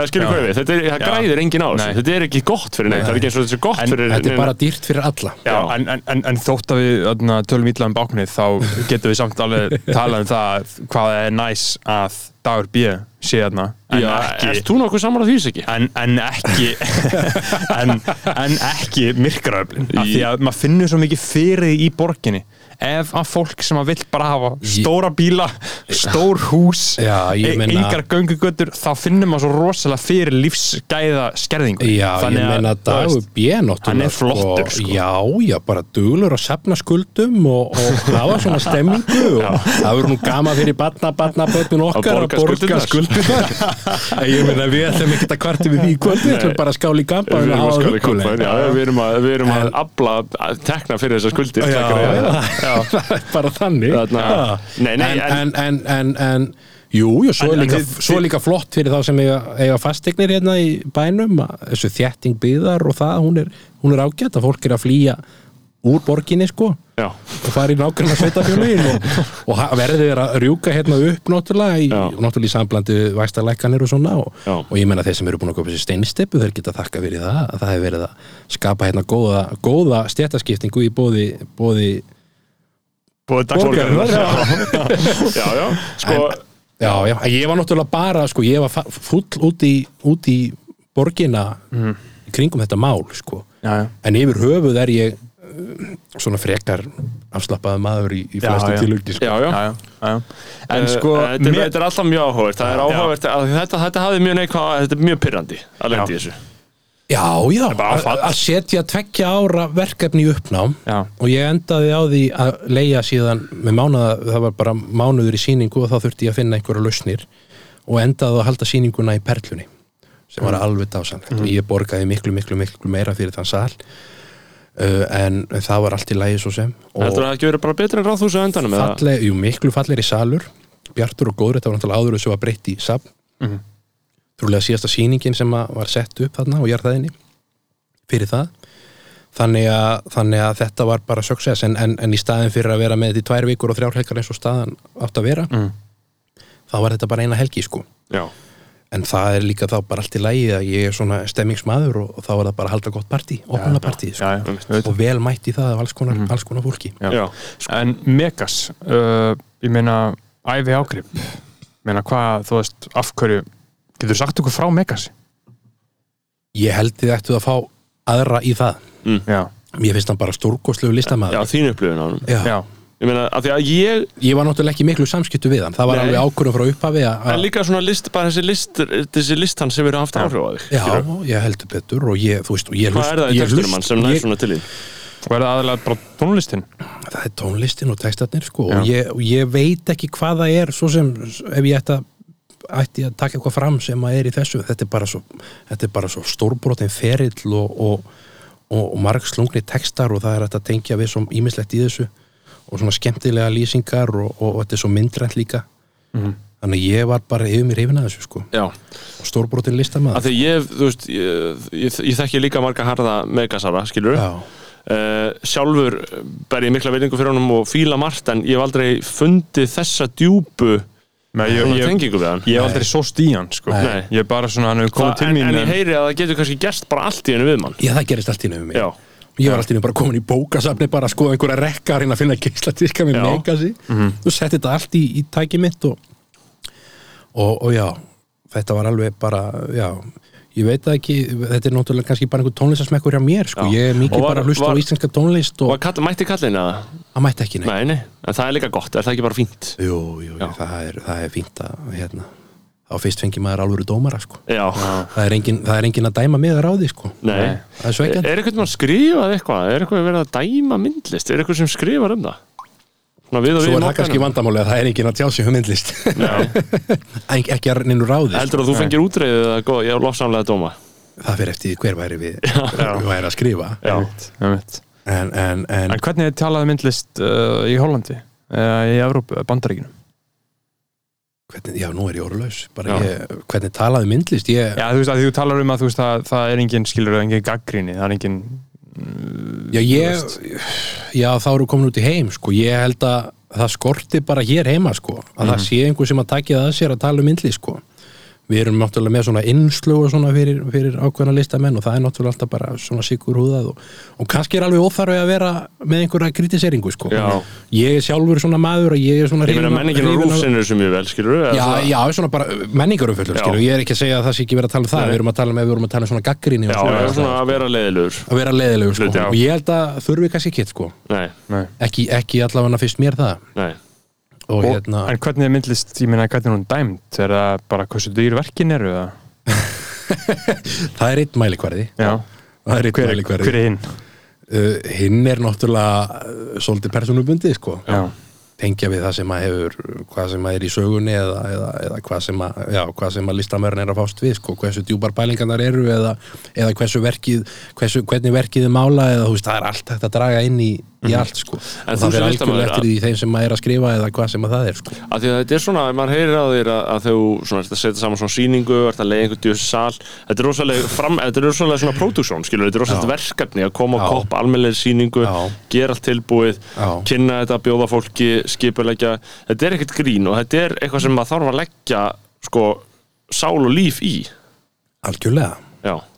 Og, og ég til dæmis þetta Megasar verkefni sem að tók tvö ár hjá mér, það var valla þannig að ég hugsaði um annað, sko. nei Getur rétt ímyndað ykkur að vinitin hafi verið þreyttir á mér maður. já, ég er að hugsa Já. það sko, Þú veist, hvað segir fólki í kringu þig? Í, í minni, minni búblu, sko. Já. en það var nú eitt góðu vinur minn sem komst á Megasar-vagnin þegar ég var í þessu ferli. já, Þannig að við deildum sameileri, sameilegum áhuga á að, að tala um þetta, sko. Það er gott. En, en það er líka hættulegt að maður festist í einhverjum, í einhverjum helli, sko. já, en, en, en það er líka getur verið holdt sko Já. Uh, Var ég að svara einhverju spurningu? Sko, hvert erum við komni? Við vorum, að, við erum komni 2018 Mm. og þetta 2018? er, var ekki þessi sýning þá eða? 2016? Nei, hún var 2016 Þetta var 18, já, þú varst 18 ára 2016 Ég var 18 ára já. gammal sko Einmitt. og þetta var sýningin sem að svolítið svona lifti mér á næsta standard Já, það var náttúrulega alveg full innistæða fyrir því og búin að vera í tvö ár ekki hugsa um annað þannig að verðin hækkuð aðeins já, á verkunum og hafði ekki nokkur einustu áhrif á söluna Mhm. Og seldist alveg ótrúlega vel og ekki það hérna, að það var bara dásamlegt að finna fyrir þeim meðbyr Mhm. uh, og svo já, síðan þá hef ég svolítið já náða að strömlínu laga það sem ég er að gera og þú veist og þar að segja svona fyrst var maður náttúrulega bara þú veist var að sína á kaffihúsi og var að gera þetta og sína vesturbæðalaug og, og mála allskins myndir og svona. En þarna þessi megasaverkefni það svona lifti mann og herra standart og maður tók hlutina kannski aðeins meira alvarlega. Og það sem er líka áhugavert við það sem að ég verið að gera 13 ára gammal hjælt maður fyrstu engasýninguna þannig að það er fólk sem hefur fengið að fylgjast með manni í öllu ferlinu sko. Já. já, sem er líka bara gaman sko. Og hérna og, og, og hérna finnst mér sko þó að, þó að, þó að hérna og vegna þess að ég held að það sé ekki endilega sniðut að, að listamæður stýi fram full mótaður sko. Nei, Nei. vegna þess að þá er, spurn, þá er hann ábyggilega að spura þessi sko hvenar er ég full mótaður og hvenar má ég stíga fram sko? Já, já og það og eru fara, og, fara það, og fara með þetta í gröfina sko. Já, þannig að og, og til dæmis veru verk út um, út um viða eftir mig þú veist frá, frá því ég var krakki sko. Finnst þér að svona, ah, Nei, ég, ég lærið það snemma að, að ég þyrfti að vera sáttur með allt sem ég liti frá mér. En vissulega eru verk sem að, sem að, sem að ég væri til að eiga í dag, bara persónulega. Og til dæmis það sem ég segi við alla sem að koma til minn í dag endursölumarkarinn á íslenskri myndlist ég, ok, nú er ég, segi þetta ekki við fólkið en, en, en samt endursölumarkarinn á íslenskri myndlist er ekkit mjög þroskaður, þetta er náttúrulega lítið samfélag sem við lifum í og það er rosalega margir lifandi listamenn sem að eru bara að fara á útsölu verðum á endursölumarkaði á, á uppbóðum og svona. Já. Og hvernig fara þessu uppbóð fram? Hvað eru margar, uh, mörg svona plattform fyrir það? það er eitt, eitt bara- en, en, en já, áðurum fyrir þetta, hvað þýðir þetta þú veist, að þau segja að fara á útsölu, hvað meirir hann sé ekki hvað, þá eru bara, sko það er náttúrulega félagjafar náttúrulega eftir, þú veist bara og líka íslenski listaverkamarkarinn í heild sko. Það er, það er ekki mjög mikið af fólki sem er að kaupa myndlist, nei, það er kannski vandamálið. Já, og ég tel mig hafa eh, haft einhver áhrif í því meðal ungs fólks meðal annars og ég myndi halda að það væri svona 25% af fólki sem að kemur til mín á öllum aldrei, ungt fólk og jafnvel bara fólk á, komin á góðan aldur sem er að kaupa sitt fyrsta leistaverk hjá mér. Já, og gaman að fá að- hérna, taka þátt í því ferli og svo byrjar einhver bolti að rúlla og, og hérna og hérna og, og þá farið það á næsta listamann og, og svo heldur áfram sko. Og, og ég held að það sé líka það sem við vorum að tala um varandi akademíun og umræðun um myndlist og svona að við listamenn eigum það til að vera svolítið flóknir og vera að dvelja svolítið í þjáningunni og vera svolítið fjarlægir hinu venjulega fólki sko. já, það er ákveðið ekki kannski problem, það er bara áhugavert. En, en fyrir svona hinn almenna mann sem að geti mögulega hugsa sér að halda upp einhver öflugu menningarlífi og kaupa myndlist sér einhver viðtöl og hugsa hér þetta er nú allt og förðulegt fyrir mig sko. einmitt. og það er, bara, það er bara gaman en það þarf einhver staðar að byrja og, og, og það er allskyns listamenn sem eru sko bara til að er og, og næ sko. það er Já. ekki allir í, allir í þjáninginu en maður tekur eftir þessum sem, að, sem að eru svona mjög djúpir sko. Já, og ekki kannski, það sem við getum bara sagt ekki aðgengilegir Nei, nei. fyrir hinn venjulega mann sko. já, já, og, og reynir þú ekki að leggur ekki áslag að vera uh, svona, ég, ég held að ég sé það bara í grunninn sko. þannig ekki að það er ekkert sem að ég reyni sko. nei, En það er náttúrulega veist, það er bara framsónar andinn hjá okkur strákunum sko. já, já, 100% við erum bara aðgengilegir og, já. og drekkum bláa mjólk og kampaðin miðvikutum nákvæmlega, nákvæmlega Það er náttúrulega skrítið styrtaði bara hvernig þetta, restin í, þessu þegar þú vilt hérna hjá mér Snorri minn, þú eru að hvernig þetta hefur sko þróast eins og við talum að ef einhver er of djúpur eða of mikið að hugsa um þetta eins og, Flott. eins og þarna, Benny Erlings uh, talar um þegar við erum að lýsa leikriti þá er bara góðum þá, hérna. þá er, þarna, þá er, þá er stránglega bannað að tala um að uh, leikritið sé surrealismi eða sé absúrt. Þá bara er enginn að fara að mæta. Það nei, það er bara ekki sens bara, Þetta þá, er, sko- allt í einu offa alla. Já, ég er ekki viss, Þegar- sko, já. Ég er ekki viss um hvort þetta sé sko vandamál hjá þeim sem er að tala um listirnar eða hvort þetta sé bara okkar menningarsnöða þjóð. Já, nýkomin úr, úr moldarkofunum já, já. hún er feimin við allt sem er svona eitthvað. Sem er ekki bara auðvitað og sveppi Það er skömm Er þú veist, það- það- sne- sveppi, það er, það er, það er alveg dæmi sko. Já, ég er að segja, ég elska þá og Já. þeir eru, veist, en, en ég elska þá og aðrir elska þá en, en Gilsarinn, það má ekki gleyma honum. Jú, gilsarinn. Uh, en sko Ég ætla að vandamáli lýsa það fyrir hlustundum, ég horfði djúft í auguna Bergþóri því ég sagði gilsara þarna, uh, og, og það, það sem gerist þar er að þú getur ekki þú getur raun og ekki gert kröfun náttúrulega heldur er bara ávænlegt fólk að átta sig á öllu stóra saminginu þessu flókna stóra samingi Nei, það er ekki hægt að leggja það á nokkurn einasta mann þess sko. vegna er betra bara líka að koma til það sem þau eru. Já, þetta, Já. Þarf að, þetta þarf að gerast bara með tímanum og þetta er bara dröpugangur sko. Já, já, einmitt, það er fullt af gaurum að núti sem að myndu ekki fyrir sitt litla líf þóra að fara inn í bíóparadís. Já. nei, nei, fyrst það, er- bara. það, er bara eitthvað gardínur og treflar. En, en sko, þegar, þegar þú talar um einmitt enn en að einhver leiti mögulega vanfróskaða eh, markað eh, þú kaupir listaverk og, og þú ert að tala um að það er ekkert mjög mikið fólki að, að kaupa og selja listaverk endilega í, í neinum miklu, miklu mæli erum við að tala um þá að það sé þá þeim mun erfiðar að selja eitthvað frá þér aftur? Já, já, það sem að ég ætla að tala um með endursölumarkaðin sko, að að hann er ekki með þróskaður og til dæmis það sem að ég segi við fólk sem að kemur og kaupir orginala hjá mér og ég segi við þá sko ef það kemur einhvern tíman að því að þið vantir pening og þú viljið selja þetta verk eða þú eru þreyttur á því að hvað sem það er að tala um mig fyrst. Vegna þess að ég er bara með smá sjóð sem að ég er tilbúin að kaupa tilbaka verk sko. Já, ég er með byðlist eftir mínu verkum. Mhm. og þá er alveg eins gott að ég borgi þessu manni kannski einhverja ávöxtun á, á hans verk og, og selja það síðan tilbaka til einhvers á byðlistana sem að væri til í það sko. já. Þannig er að- eitthvað sem margir stunda eða hvað Nei, ég, ekki, ekki listamenn sjálfur held ég, en ég veit um eitt galleri í bænum Já. sem, að, sem að er í þessu líka að passa það að, hérna, að verkin sé á góðum stöðum. Já, og það skiptir máli að- að verkin sé á stöðum þar sem að fólk ber virðingu fyrir þeim og, og hérna og, og já og, og ber svona já, fólk sem að ber virðingu fyrir myndli sko, og maður náttúrulega hugsa ekkit um þetta fyrst þegar maður var að byrja. Nei, allskeins fólk sem að, sem að kipti hjá manni verk og maður veit ekkit sko vi- vinir, foreldra og svoleiðislega sko, maður veit ekkit hvað þessi verk er í dag en ábyggilega öll á góðum stöðum. Flest öll. En svo náttúrulega breytist bara gunnahópurinn sko. Já, og í dag er mikið af fólki í til mín að koma sem að, sem að er að sapna mikið myndlist og, og, og, og er, að, er að kaupa verk og ber mikla virðingu fyrir myndlistinni sinni sko. Já sem að, er, sem að, sem að skiptir, skiptir máli sko, upp á, á arfleiðina og, og þetta allt saman sko.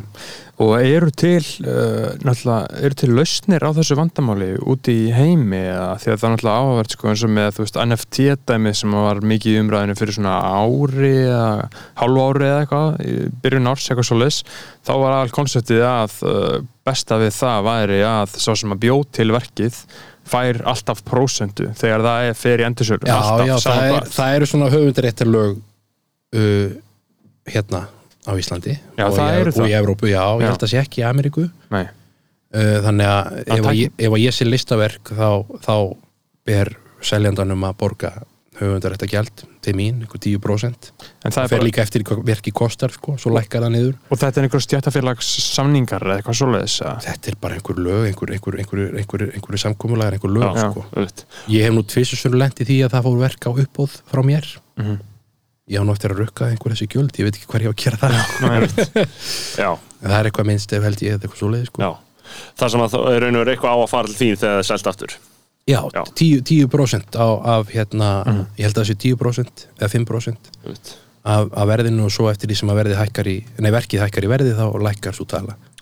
Og um, núna erum við búin með 2016 og við erum að þræða okkur. Þetta er mjög Já. gott system, við erum að Já, þræða okkur áfram. já, Mér- mér og ég er bara, er ég nokkuð bara að tala um sjálf á mig eða? Nei, við erum bara, ég er bara rosalega búin að sko, ná utan með um þarna málin, bara sko. uh, myndlista markaðin leng, leng, þú, þú ert uh, sikki mikill safnari Já. og átt uh, ert með bara myndlista ég safn á heima hjá nokkrar myndir Ég já, meina- og hver er, hver, hver er filosófían þar?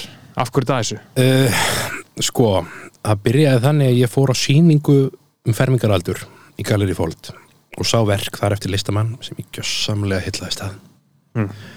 nema vermiðin í hotninu ég ætlaðist nú ekki að honum Nei.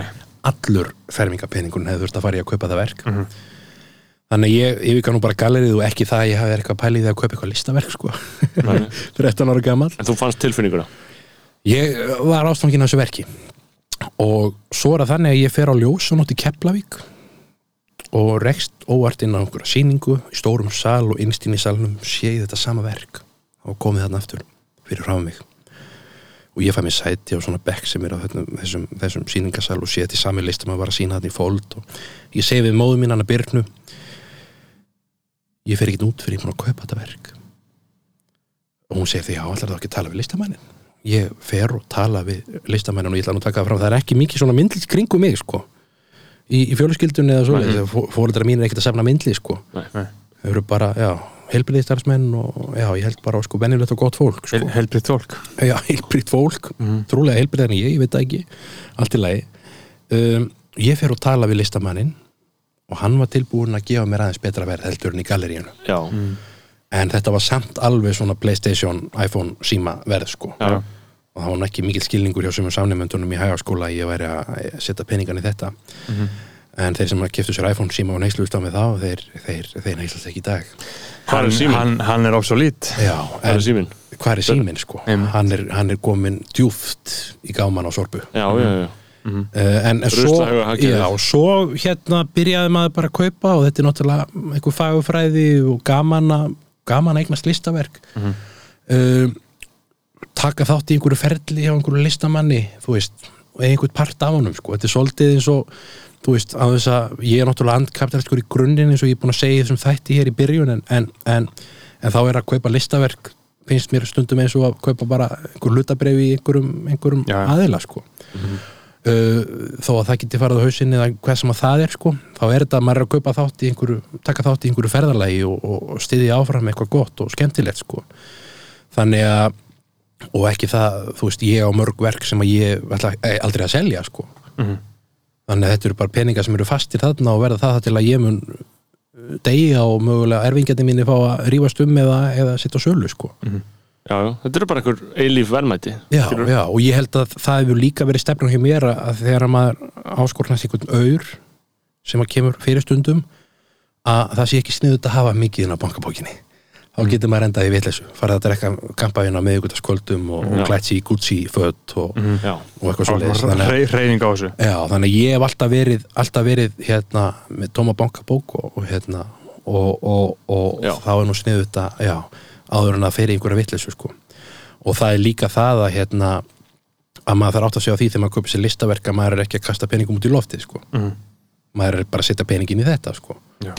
og ef maður kaupir góð listaverk eftir flotta listamenn sem að sjá fyrir sér einhverja framtíð þá er maður náttúrulega aldrei að kasta frá sér örunum sko. maður er bara að setja það við þetta og taka þátt í þessu ferðalagi sko, Já sem að er á um, Og ef að þú berð saman til mig sem að, að því að við vorum að alltaf hann Damien, hann Damien hvað? Damien Hirst Hörst, þú veist, e, þú veist, ef maður tekur þannig fígúrur, skilur, sem eru bara á einhverju stjartfræðilegum skala Já. með einhverja bull tölur, það skilur enginn þessar tölur lengur, Nei. hvað er allt dýrt og þú veist, það er bara, það er einhverja geimurur að kaupa þessi verk, skilur. já, Hvað þarna, þú veist, hvernig lítur á allt þetta, skilur, þú veist, þegar þetta er orðið svona stórt og meiri háttar, skilur, myndir þú vilja vera þarna, skilur? Já, já, ég ímynda það.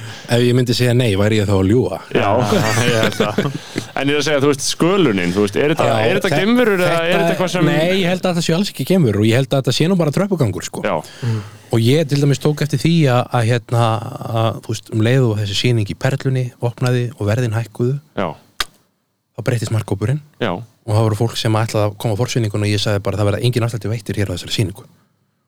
Og það voru tveir aðeila sem bara hugsaðu, nei, við ætlum ekki að mæta þarna. Og hvað er það að selja verk á? það er, það er það er allur skalinn, við skulum halda áram það sem ég ætlaði að segja, árum við förum í það. Eða ef, ef, ef, ef við gleymum því kannski Já, bara það er komið á listan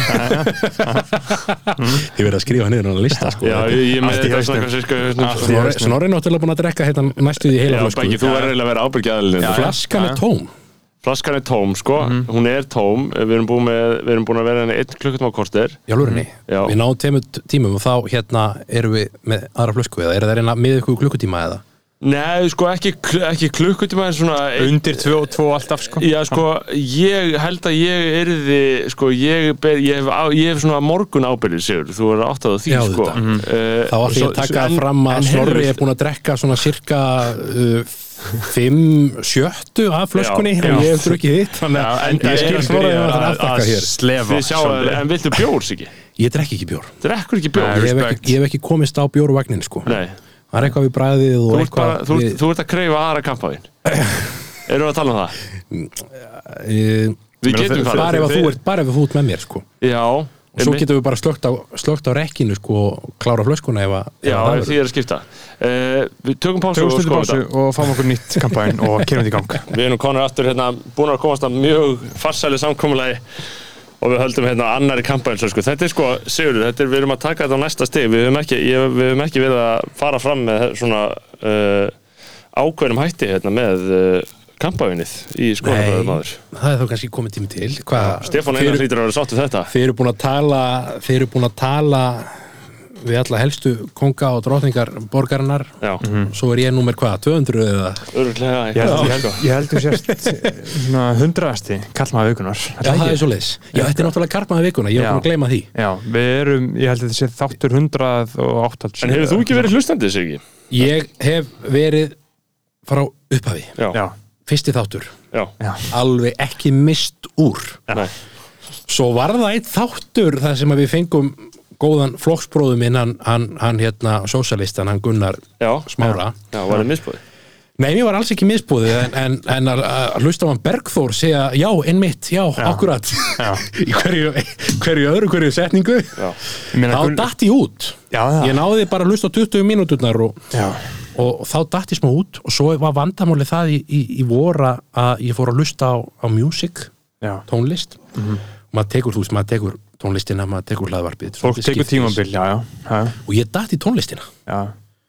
þá misti ég svolítið mm. hlaðvarpsvagnin ég er náttúrulega, ég er mikill hismismadur einmitt. og mikill skoðana bróðir þannig að það er svona mín hlaðvarp sko. einmitt. En Gunnar Smári, hann segir sannleikan hann er talsmaður sannleikans eins og ég Já. og við. Eins og allir. Já, já, allir eru með sinn sannleika að segja. Já, já, já, já, já. En sko, við vorum að tala um uh, íslenska myndlistamarkaðin og, söfn, og, og söfnun. Já, við vorum að tala um hérna, sagðu ekki róttunar eða hver var líkingin, hérna, þeir sem er að kaupa við vorum að tala um útlensku listamennina sem er á stóra skalunum já, gemurinnar Já, gemurunar, já, gemurinnar bara, þú veist, og, og bara sá markaður er náttúrulega, þú Já. veist Nei, en svo er það samt líka það að, að þessir listamenn, þeir eru líka alveg með aðgengilega verk fyrir, fyrir Jón út í bæ, sko. Já, eins og Damien Hirst, það er þetta að kaupa, þú veist prentmyndir á hann undir miljónkall, sko. Já, svo er þetta að fara í orginala fyrir, fyrir 500 miljónir, sko. Já, já. Þannig Hvað, að- hvað gerist þarna? Er þetta bara einhver, einhver kapitalist undur og þetta bara Já, þetta er bara, þetta er bara? tröpugangur og eins og ég var að tala um hjá mér að eftir þessa megasasýningu þá breytti svolítið kunnahópurinn Já, og svo endanlega 2019 þegar ég komst inn í akademíuna þá lendi ég því að ég fekk annað viðtal í morgunblæðið já, og sem endaði að vera forsjöðu viðtal í Já. sunnudasmokkanum vestrum helgina. Mhm. og þá kom bara svona bílalest til mín. Já, og ég segi það er nú eitthvað skrítið í gangi hérna. Sjáttu þetta mokkan maður. Mokkin hann lígur ekki og, og fólki sem Pétur Magnússon tók þetta ágæta viðtal. Já, frábær og, og Ég var að vinna á hérna- þessum tíma, man, á þessum tíma ég Mér, mér þetta orðið drungalett svona skuggalett þegar maður komið tíminn í þriðja skipti sko. segi, hvað, hvað vil maður? Ég held að þetta er svona daglegt líf, svona blæsju 10 til 11 sko. Svo endaði þetta að vera fórsíðu viðtal og, og þá svona breyttist gúnahópurinn töluvert sko. Mhm. og, og, og fór að vera svona svolítið öðruvísi en, en á sama tíma þá náttúrulega er líka allur skalinn ennþá sko. já, já maður er náttúrulega bara sanngjarn í verðum og svona En sko, já, en þegar maður hugsa út í þetta, ég meina, og, og, og sömulegðis að, að, að, flokksbróður, nei, flokksbróðin Gunnar Smári, Já, þarna, þú ert eins og segir, þú ert uh, sósælisti, já, ég er því Ég er aukast. andkapitalísku maður, ég lend ekki, ég er náttúrulega blankur við skulum hafa það skulum hafa það á hreinu, það er ekki mikið að en, baka en, bókinni. en, en ég samt er, er fórnalamp auðvaldsins. Já, já, eins og við öll held ég já. í grunninn En svona uh, kúnahópurinn, ég meina, mokkin er diggur, er, er, er góðu tengilegu fyrir þetta er svona fólk sem á kannski einhverja peninga og, Já. og og, alveg ótrúlega skemmtilegt fólk ótt tíðum sko, sem, að maður, sem að maður hefur fengið að kynnast í gegnum það að vera myndlistamæður já, já, það er svolítið þannig sko mitt og, og svona, en við getum sagt svona því að við erum náttúrulega skoðanabræður þetta er svona uh, það er svona hægri þráður í þessu, eða ekki? eða hvað? Hægri Sjá- þráður? Já, Ég meina eða, eða svona borgarlegt fólk í, Já, þetta er nú allavegna fólk sko, jú, Já. jú, við getum jú, jú, það getur verið það sem einhver hægri þráður, ég veit svo sem ekki um það sko, Nei. En jú, vissulega fólk sem á eignir og, og er til að eiga þær áfram. Áður en einhver kemur og tekur það frá það er að skítu að skítu að, skítu að hérna, grumlan kemur og tæmir veskið og, Já, og, og hérna ætlar að fara að setja það í, í einhver torg og blómapotta eða hvað sem, að, hvað, sem að, hvað sem að það á að vera sko. Já, en ég meina ég held að, samfélagi sem við eigum að dreyma um er náttúrulega samfélagi það sem við getum verið á götunni og hort til nágrannans og, og, og eigum þann kost að lifa, lifa sama lífi og, eða gó- jafn góðu lífi og nágrannin sko. já, já, og það sé byggðu þannig grunnur sko. já, já, það sé ekki settar hömulur eða, eða, eða nokkuð þaðan að sko. nákvæmlega vegna þess að ég held að allir, ættu, að allir, eiga, allir eiga tækifæri sko. já, og þeir sem að þurfa hjálp á að hjálpa sko. já, En hafði það ekki mikil áhrif þegar að uh, fjármálaráðara, Bjarni Benediktsson þarna postaði myndinni? var annar post já, hann, já, Hann alltaf fekk uh, málverk af sér Já, og hundruðu sínum. það, það, það var, Og- hann fekk, það var pöntuð hjá mér fyrir hann í 50 samanleskjöf já. Hann var frábært verkefni. Ég, já, ég var, ég, var, ég var brosandi hringin þegar að ég málaði þessa mynd.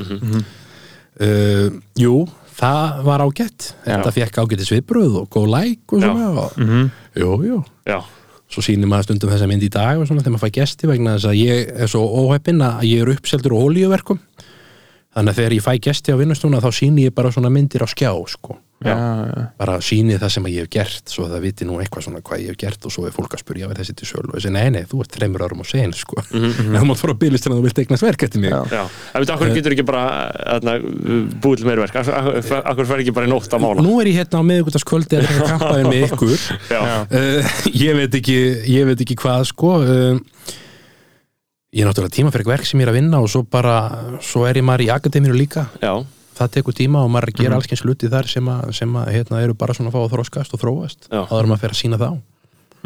Þú heldur þessu svolítið aðskildu og svo, jú, svo er það líka ágætt að vera ekki að dæla út sko. Já, Leave them wanting nei, er more. það ekki? Jú, og, og halda og líka, meðan maður er líka bara ungur að þróa sig áfram að vera ekki að dæla út verkum endalaus sko. já, og árulega þá er þeim verkum sem að ég lætt frá mér að fækka sko. Já það er að segja, er að segja orginal verkum sko. Hvað myndir þú segja, þú veist, 2020, hvað bjóstu til, hvað málaður marga myndir? ég, hvað mála ég marga myndir það, ég man það nú ekki, Fleiri tugir?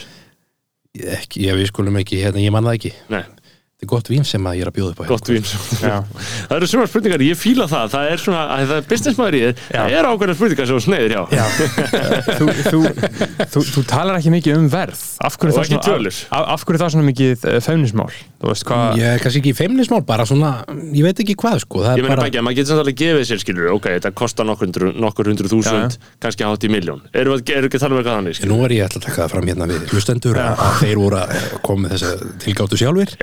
Við Já, já, já. ég kinkaði korki en þú veist ég er sko. að segja, ég maður hlýtur ekki að ímynda sig eitthvað þannig, skilur Það er ekki þetta að segja að eitt verð kostar 500 Mhm. Nei, nei, maður eins og, eins og, eins og, eins og Jeff Koons og, Samningsatriði. og Damien Hirst þeir eru á öllum verkskalunum og, Já, Já. og sama veginn, en ég er ekki, ekki, ekki, ekki dýr sko. nei, en ég meina en, en eins og það bara uh, burt sér frá einhverjum sérstökum tölum hvernig er það að verðleggja sig hvernig er það prósess og það ferli það er allt í kjarkinum sko. það er kjarkin er það ekki?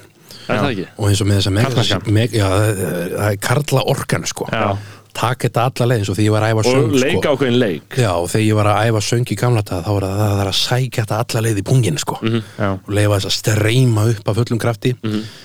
taka ákvörunna Já, og ég til dæmis hækkaði verðin hjá mér töluvert fyrir þessa megasýningu ég skal nú bara segja það ég hækkaði verðin á þessari stærð úr 80.000 krónum upp í 280.000 krónur já, á tveimur árum og hafði ekki nokkur einustu áhrif mm. jafn mikið sala hvað séru? Jafn Já, mikið. eða meiri, meiri já, Já. en ekki það, ég sel aldrei neitt svo ég takki það nú fram, alltaf blankur alltaf blakkur bara, bara svona höfum það á reynu Já, já, en, ég- en ég er að segja sko.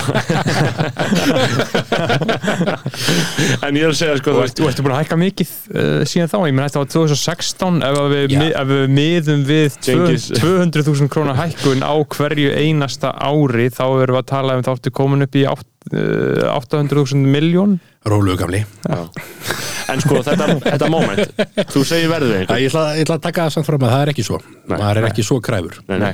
En, en þetta, sko þarf að, þetta þarf að gerast í jafnvægi við, við allt saman sko. En ver verðið Já. Úr það tala við einhvern og hann er svona Já, þetta er skemmtilegt, þetta er skemmtileg mynd Já. Eitthvað, já, ég get skoða þetta eitthvað. Svo segir hann, hvað erum við að tala með það? Skilur Mm. Og þú segir Þú, þú þarft að taka ákvörðun, eins og þú segir Já. Maður er að taka ákvörðun Já, og þú þarft að segja eitthvað, að segja eitthvað verð Já. og þú mátt ekki bifast mikið frá því? Nei, þú, þú gerir ráð fyrir að kannski bifast aðeins það er ekki Já. dag sko nema að fólk sé að panta einhver, einhver, einhver fjölda sko. einmitt annars er það bara, að standa við verðið ég hef ekkit an, annað val sko vegna þess að ég hef ekki undan já, einmitt þannig að eins og ég segi, ég er ekki að mála mörg verk á ári en, en hérna, þannig, að, þannig að það er ágætt sko. já um, hvað voru að tala um, voru við ekki á einhvern slóðum minna Jú, við vorum að tala um bara svona almennt ég meina, um, og, ég meina íslenski myndlistamarkaðinu þú fylgist mikið með það, ekki? Herri, já, mér langar að spyrja, hvað- hvað hvað hva, hva, hva myndlistamæður er svona fyrir þig, er svona fucking dýr eða svona alltaf dýr en þið langar samt í endurista verkum eftir hann er eitthvað þannig? Íslenskur eða erlendur eða, Já, bara eitthvað svona, eitthvað sem þið finnst pyrrandi dýr Já. sem þú væri til að vera að kaupa í meira mæli Hvað myndir þú mættir bara eftir ég er náttúrulega að reyna ég er náttúrulega að reyna að hætta að safna sko. Já, og núna er ég bara þú veist, ég byrjaði 14 ára gamall að mænta uppbóðin í Gallery Fold og þá var það þannig að maður þarf að vera 18 ára gamall til þess að vera hérna sagt, til þess að geta skráð sig inn og bóðið og svona Mhm. þannig að ég tók alltaf móðu mína með mér og sló hana svona létt í lærið þegar ég vildi bjóði eitthvað ég þorði ekki að rétta upp spjaldið sjálfur sko. Þannig að hún bauð fyrir mig og hún mátti gefa neina skoðun á því sem ég var að kaupa eða hvað það kostaði. Þannig að maður var svolítið að safna gömlum veistjórunum uh, í dag er ég mikið að fókusa bara á að kaupa ungt fólk já. sem eru mögulega, þetta er einhver bara unga íslenska myndlistamenn getur vel verið að þetta séu einn af mínum heitir sko, en það verður bara að hafa það. Hérna, það gefur svolítið gaman bara að fara að kaupa heitar og það eru líka bara verk sem að þegar maður er að kaupa eftir unga listamenn að þeir fá bara að vera hjá mér og, og, og, og fá, já, fá bara erfingja mínir að slást um sko. Ég held, að- ég held að það sé bara me- mest á ón sem hægt er að, hægt að, hægt að gera að hvert heitir, heitir hennuðinum sko, Já. að kaupa á sko. Já, og ég meina, og vil, viltu nefna eitthvað, er eitthvað cool í dag ég meina, þú veist, uh, ungir íslenski hvað á myndlistamenn maður að kaupa? Núna reynir við alltaf að hækka upp það sem þú ert búin að kaupa þannig að þú fær að peppa það ég held að það væri hættulegt Já, að fara að nefna einhverja en ekki aðra já, Já. einmitt. Jú, ég, lát, ég fæ, fæ að slæta með þetta já, Já, já. Þú Nokkuð- segir það off recordina eftir já, þáttum já, Já. ég skal segja ykkur hvað ég gerir það á morgun Já, Já. en ég meina, uh, sko aðrir meira established myndlistamenn, íslenskir já. Er hverjir eru flottastir? Þrándur, Hvað elskar þú þú mest, mikið Siggi? eftir hann Þrándur er náttúrulega ungur Já, hvað, hvað er hann ungur? ég ætla að sé ekki svona 40 og eitthvað ára gamall. Já. Já, einmitt. Heyrðu, það sem að máli með unga listamenn að, að, þú veist, listamenn eru ungir það til þeir eru sko komnir með grátt hár út í allar áttir Já. eða komnir í kistuna sko. Mhm. það er nefnilega að maður valdi sér alveg rétt að starfstjætt vegna þess að listamenn eru ungir eða myndlistamenn eru ungir alveg ummitt Það eru alltaf ungir. út alla efina sko. Já, Já, ungir bara fyrir Svo það er að vera ungur. Það er svolítið þannig. Eh, Eitt sem Já. ég heyri slúraðum, ég veit ekki hvort þú hefur verið að slúraða Beggi Já. Kiftið þú verkjast þrándar uh, með Bjarnan Ben og uh, Þorstein Má já, ég, ég reyndi það Já, já, fekk það ekki fegst það ekki Veistu hvernig náði því? Ja? nei, Nei, það er, það er, það er ekki, ekki gott að segja nei það hefur verið einhver heppin það var, meina, hva, hvað fór það mikið? Miljón og eitthvað? Það fór á miljón milljón. krónur Já. sem var bara tilbúð sem að kom hérna bara um leið Það er bara Mér finnst það bara svolítið lítið. Tilbúðið eða þú veist. tilbúðinu leið Já, Það er myndi lítið, segja- er það mikið, hvað finnst þess ekki? það er mikið, finnst Mm. mér. Já. miða við, jú, jú, þrándur er dásanlegur sko, Mhm. flottur listamæður og svona en hérna, en það er svona fyrir íslenska myndlisti er miljón kall Fyrir nýtt verk. mikill peningur sko. Það er mikil penning eins og við vorum tala um áður, það er ekki mikið af fólki sem er að kaupa myndlist, þannig að það er lítið að verkum að fara á stóra peninga sko. Já. Mhm. Og hvað Já. heldur þú svona, þannig að maður spyrir bara mest basic spurningana, hvað eru verkin sem eru til sölu, sem er ekki inn á söfnum Já, hvað eru þau dýrust? Hva, hvað gerast þau dýrust? Hvað eru að tala um þar? Já, hvað er dýrist að sitja á Íslandi? dýrasta shitið Er erfitt að segja það? Nei, sko maður er dýrasta verki sem að ég hef bóðið, séð, bóðið upp á uppbóði seldist á held í 8,7 miljónir Mhm. það, var, það var hestamynd eftir Lúisu Mattiasdóttur og ég ætla nú ekki að segja hver kefti það. Nei, en það var dýrasta verki sem að ég hef séð slegið upp á uppbóði Mhm. svo hef ég verið erlendis að ég hef ekki náða, náða að mæta á uppbóðin ég er ekki viss um að það hafi verið mikið fleira. Nei, svo eru líka enga sjölutnar eins og til dæmis kjarvalsmyndir sem eru ekki landslag eru að fara á ágætis pening en ekki svona pening samt. Mhm. svo náttúrulega er og eitt katalókur en hann er náttúrulega erlendis. Og þar eru stærri peningar heldur en ég er heima Já. og um, þú myndir ekki þetta að fá nokkur nokkra góðar, nokkur góðu stykki af því? Erróverku? Já, Nei, nei, ég Nei. myndi ekki Þú, því. þú átt nokkur svoleiðis, ekki? Já, jú, jú, það hefur svona eitthvað komið til mín bara svona sem ég vil að kaupa. Jú, jú, Já, maður á errómynd Það er náttúrulega, hann er líka aðgengilegur hann er, hann er, öllum, hann? er öllum já. Það er dýrasta errómyndin, hvað haldið að hún hafi kostað í, í eurum? Ég myndi skjóta á uh, Þú veist, ég myndi segja Dýrasta bara ever sem hann hefur selt. Dýrasta, já, dýrasta erróverki sem að hefur verið á uppbóði, já. Ég myndi segja, ef við segjum 50 eurur mm Hvað er það í miljonum? Það er svona á 80 miljonir, 70 miljonir Já. En þú Bergþór? Ég ætla að segja bara 100 miljonir 100 Íslenskra? Já, Já.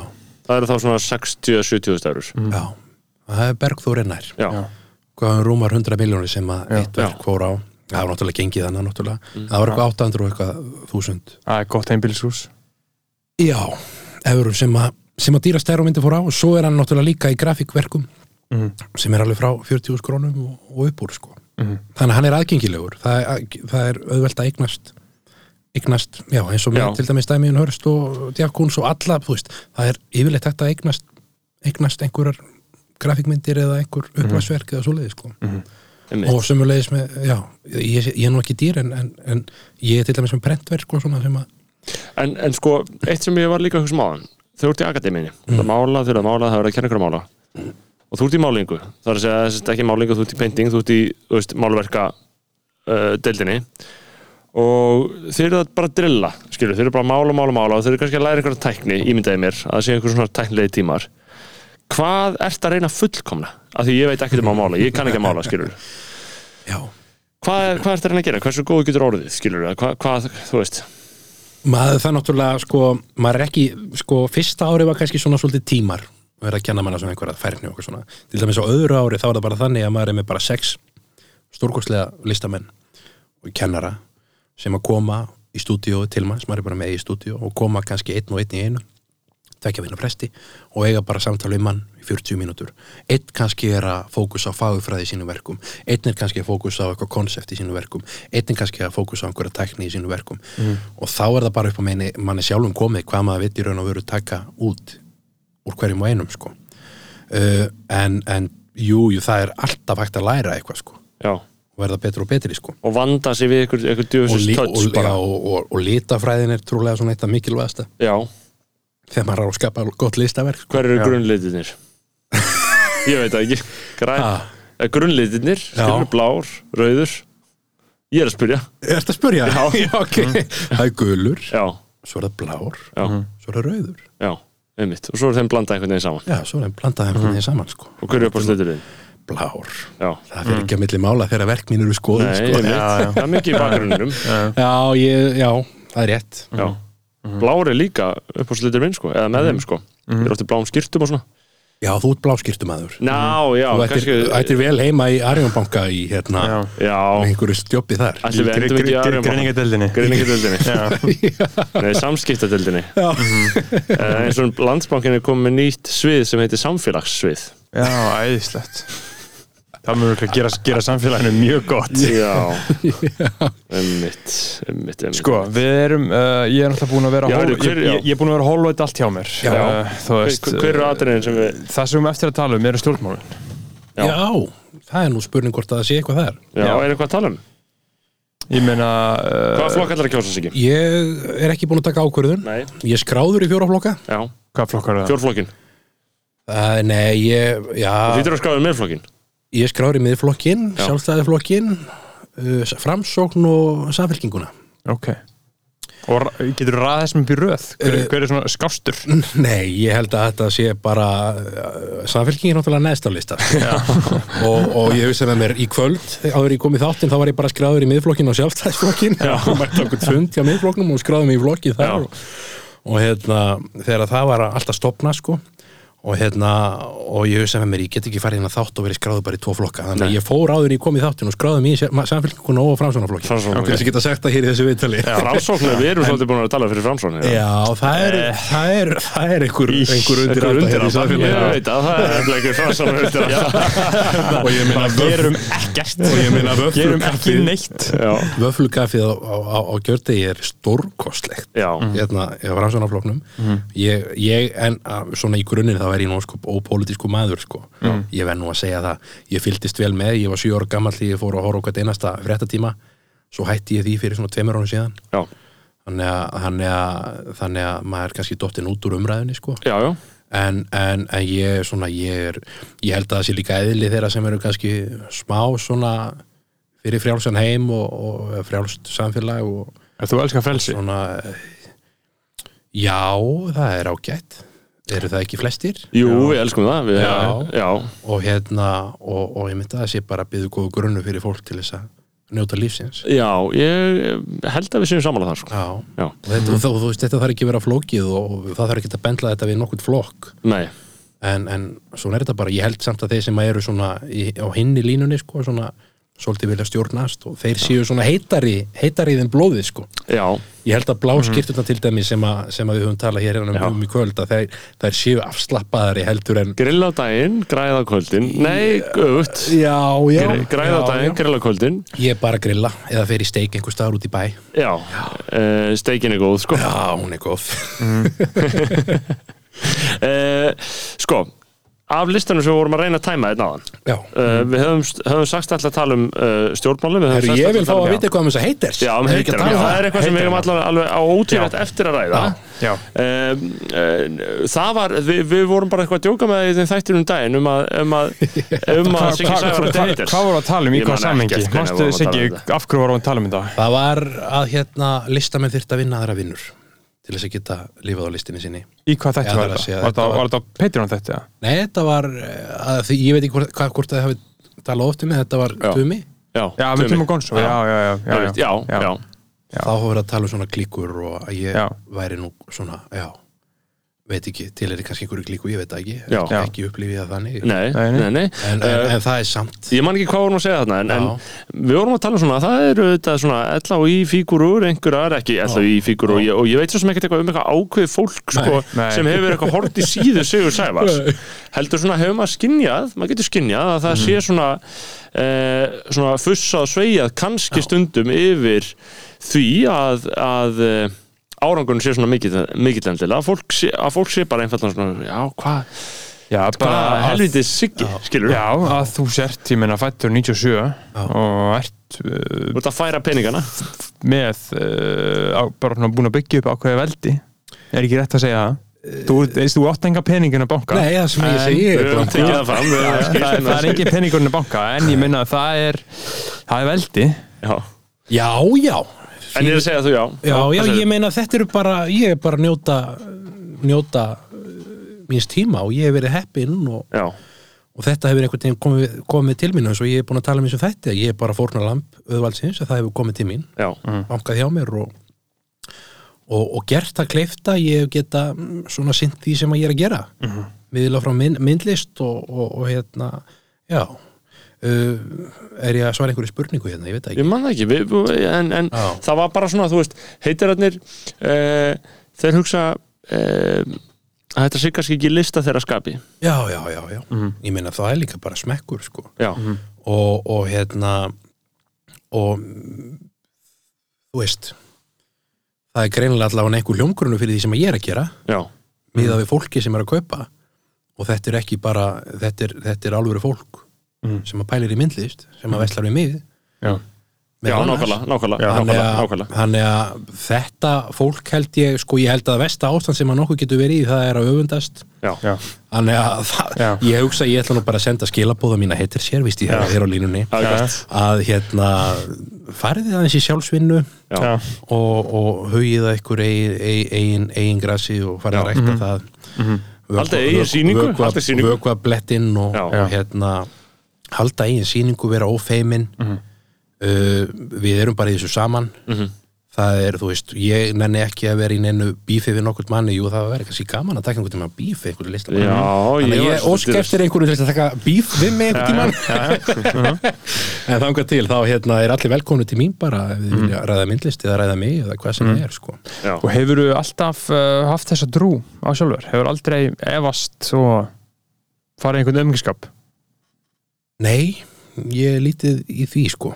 Gott. ég hérna ég gerði það í vetur, þá var ég að hugsa ég var eitthvað í akademínu, þetta var svona flókin tími og ég skildi ekki enskun og ég fór að pæla í því sko, alla mína grunnskólagöngu var ég tekin út fyrir svega.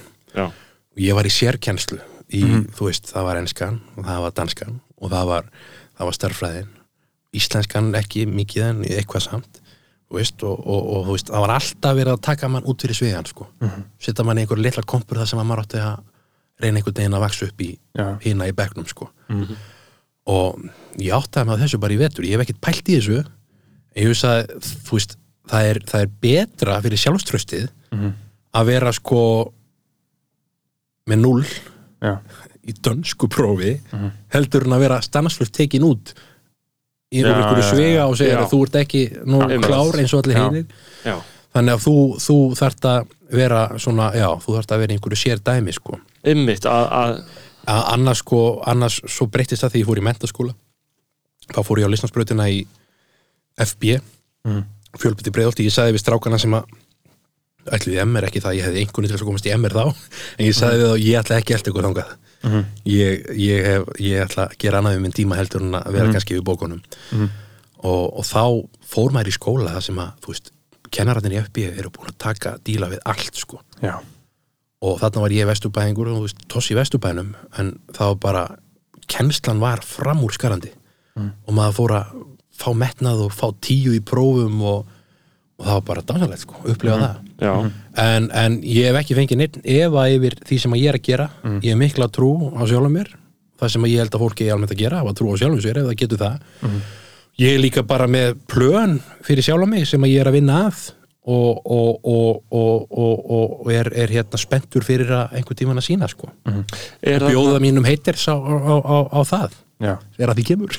Er þarna uh, er var það ekki til dæla verðmætt á að fá FB-dæmið? uh, ég var ekkit í vafa þú veist, ég var ekkit með efasemtir yfir þessa sérkjenslu dót, sko, fyrir bara núna í vor þegar ég var að, aðeins að pæla í, þú veist, maður var í þessu konceptvinnu, sko, að pæla í hver, hver er ég og hvaðan er ég að Já, sko. þetta hefur gennilega skilast fyrir ég, ég held ég sé mjög ég held ég sé mjög hérna svona lítið þjáður maður bara vel upp alinn og góðu fólki komin og, og hérna, þannig ég hef ekki fengið að upplifa mikla þjáningar á minni æfi sko. Uh, en jú, það var dásanlegt að vera þarna í breiðoltinu, ég tók nú ekki þátt í félagslífinu. Þegar ég átti eyður þá var ég nú aðalega bara bóksefninu að skoða myndlist eða, eða, eða, eða, eða, eða eitthvað á vefnum bara, fréttir eða eitthvað. Og hérna en svo sem betur fer þá kynnist ég öðrum á bókasafninu og kynntist þremur mönnum sem að eru hluta mínum bestu vinnum í dag sko. og það ég hugsaði með mér þegar ég var komin hérna í, í, í breiðoltið, ég hugsaði að ég á svo rosalega mikið á góðum vinnum í Vesturbænum þannig að ég var alveg slakur í, í félagslífunum þar sko. og svo bara kvöldin í, í sundlaugina og svona Já. FB, það er málið það, það er mikilvægt að hafa Já. það er mikilvægt að hafa listnám, það er mikilvægt að hafa þetta í bóði. Og ég meina, ég held að það sé bara aukast meira og meira núna fyrir, í já, og líka ég held að sé í auknum mæli einhvers konar meðvitund að vakna með fólks um að þú ert í klára grunnskóla þið finnst mjög gaman að mála finnst Já. mjög gaman að elda, þið finnst mjög Já. gaman að smíða. Fara bara að gera það, heldur betur. Strax. Já. ekki láta niðurlæga þig. Og ekki fara að láta eitthvað mentasnopp fara með þig sko. Já, Já, akkurat. fara í MR út af því að pappiðin fór í MR eða mammaðin eða afiðin eða ammaðin já, og þú átt ekki heima gerðu það sem þú vilt, njóttu lífsins reynda að vera hamingu saman og gera það sem þið finnst skemmtilegt. Já, það er grunnur á öllu. Já. og ef þú eignast haters við það sem þú verður reyndar ekki var við það sem bara skoðanabræður tala um. Þá verður að hafa það. Já, já, þá svo verður að hafa það. Ég held að þetta séu bara mjög góð loka orð. Já, þetta er loka, ég slapp nú ágætlega. Já, mér finnst það. ég- finnst ég- ekki ágætt reynsla að koma ég þetta? verði kansilaður þegar að þessi þáttu kemur Nei, ég sé ekkert sem ætti að valda því. Það, það, það þyrft einhver rosaleg sko, deepfake edit á það þegar það ætla að cancela fyrir þetta sko. Já, ég sé ekki hvað ætti að valda því. Þú, uh, þarna mér finnst þetta góð vegferð Já. Þetta er einstök vegferð Já. og þetta er ekkert, er, vegferð fólk er ekkert þú ert ekkert eins og þau eru, þau eru flest Nei, nei. Ertu með tíu ára plan? Já. Já, já, ég er með, ef við skulum orða þetta sé svona sex ára plan Já. Og viltu segja frá því að Nei, ég er búin að segja nokkrum vel völdum og, Mm. og þetta er náttúrulega COVID setti það svolítið á hliðina Mm. það, það, ég ætlaði að fara að byrja að vinna í því núna í vor sko. Þá þurfti ég að fara í smá flakkættir maður það er ómögulegt að vera fastur hér. Já, heimurinn er stór, fullur af tækifærum. Já, Alveg rétt. hann stækkar og stækkar og uh, við getum sagt að án þess að við gefum mikið upp um, þessi, um þetta sex ára plan þá er vísbending að uh, í því felst uh, felast heimsifir áð eða hvað, ef við ekki að segja já? Ef við ekki segja já við því? Heimsýður að það döði ef við ekki að vera svolítið bjartsinir í, í lók þáttar? Og reyna að vonandi að bjartsinin skíni í gegn og, og, og, og skili sér til hlustenda. Er einhverju við þetta bæta sig ekki? Þú, þú náttúrulega sendur okkur náttúrulega alvarlega aðtáðsemt einn á sín tíma þegar við vorum að tala um afhjúpun aldarinnar. Já, við vorum ekki alveg búin að gera það upp en er það ekki allt fyrirgefið það og... er allt fyrirgefið Já. og hérna, við þurfum ekki að ræða það í þessum þætti. Nei. það myndi bæta öðru kortir í við. Já. Já, já. En við það var Jakobi Jakob okkar Birgisson- fremsta manni Já. mikið þykir mér vænt um hann Mér finnst þið nokkuð svipaðir sko. Já, er að- það? Já, í, í struktúr á lífi sko. Þú veist, að finna eitthvað að gera og bara að gera það sko. Mhm. Það er ekkert allir sem gera það sko. Nei, ég held að það sé góð leið samt Já. Herru, við byrjum að hilsa hérna frá Takk koma Herðu, takk fyrir mig Já, Þetta var og gaman. takk fyrir kampavinnið Herðu, já, verður Ég er orðin bara, ég held að hlustendur hljóta að heyra það sko. Ég er bara farin að vera Þetta var að segja til sín. Guð bless ykkur. Guð blessi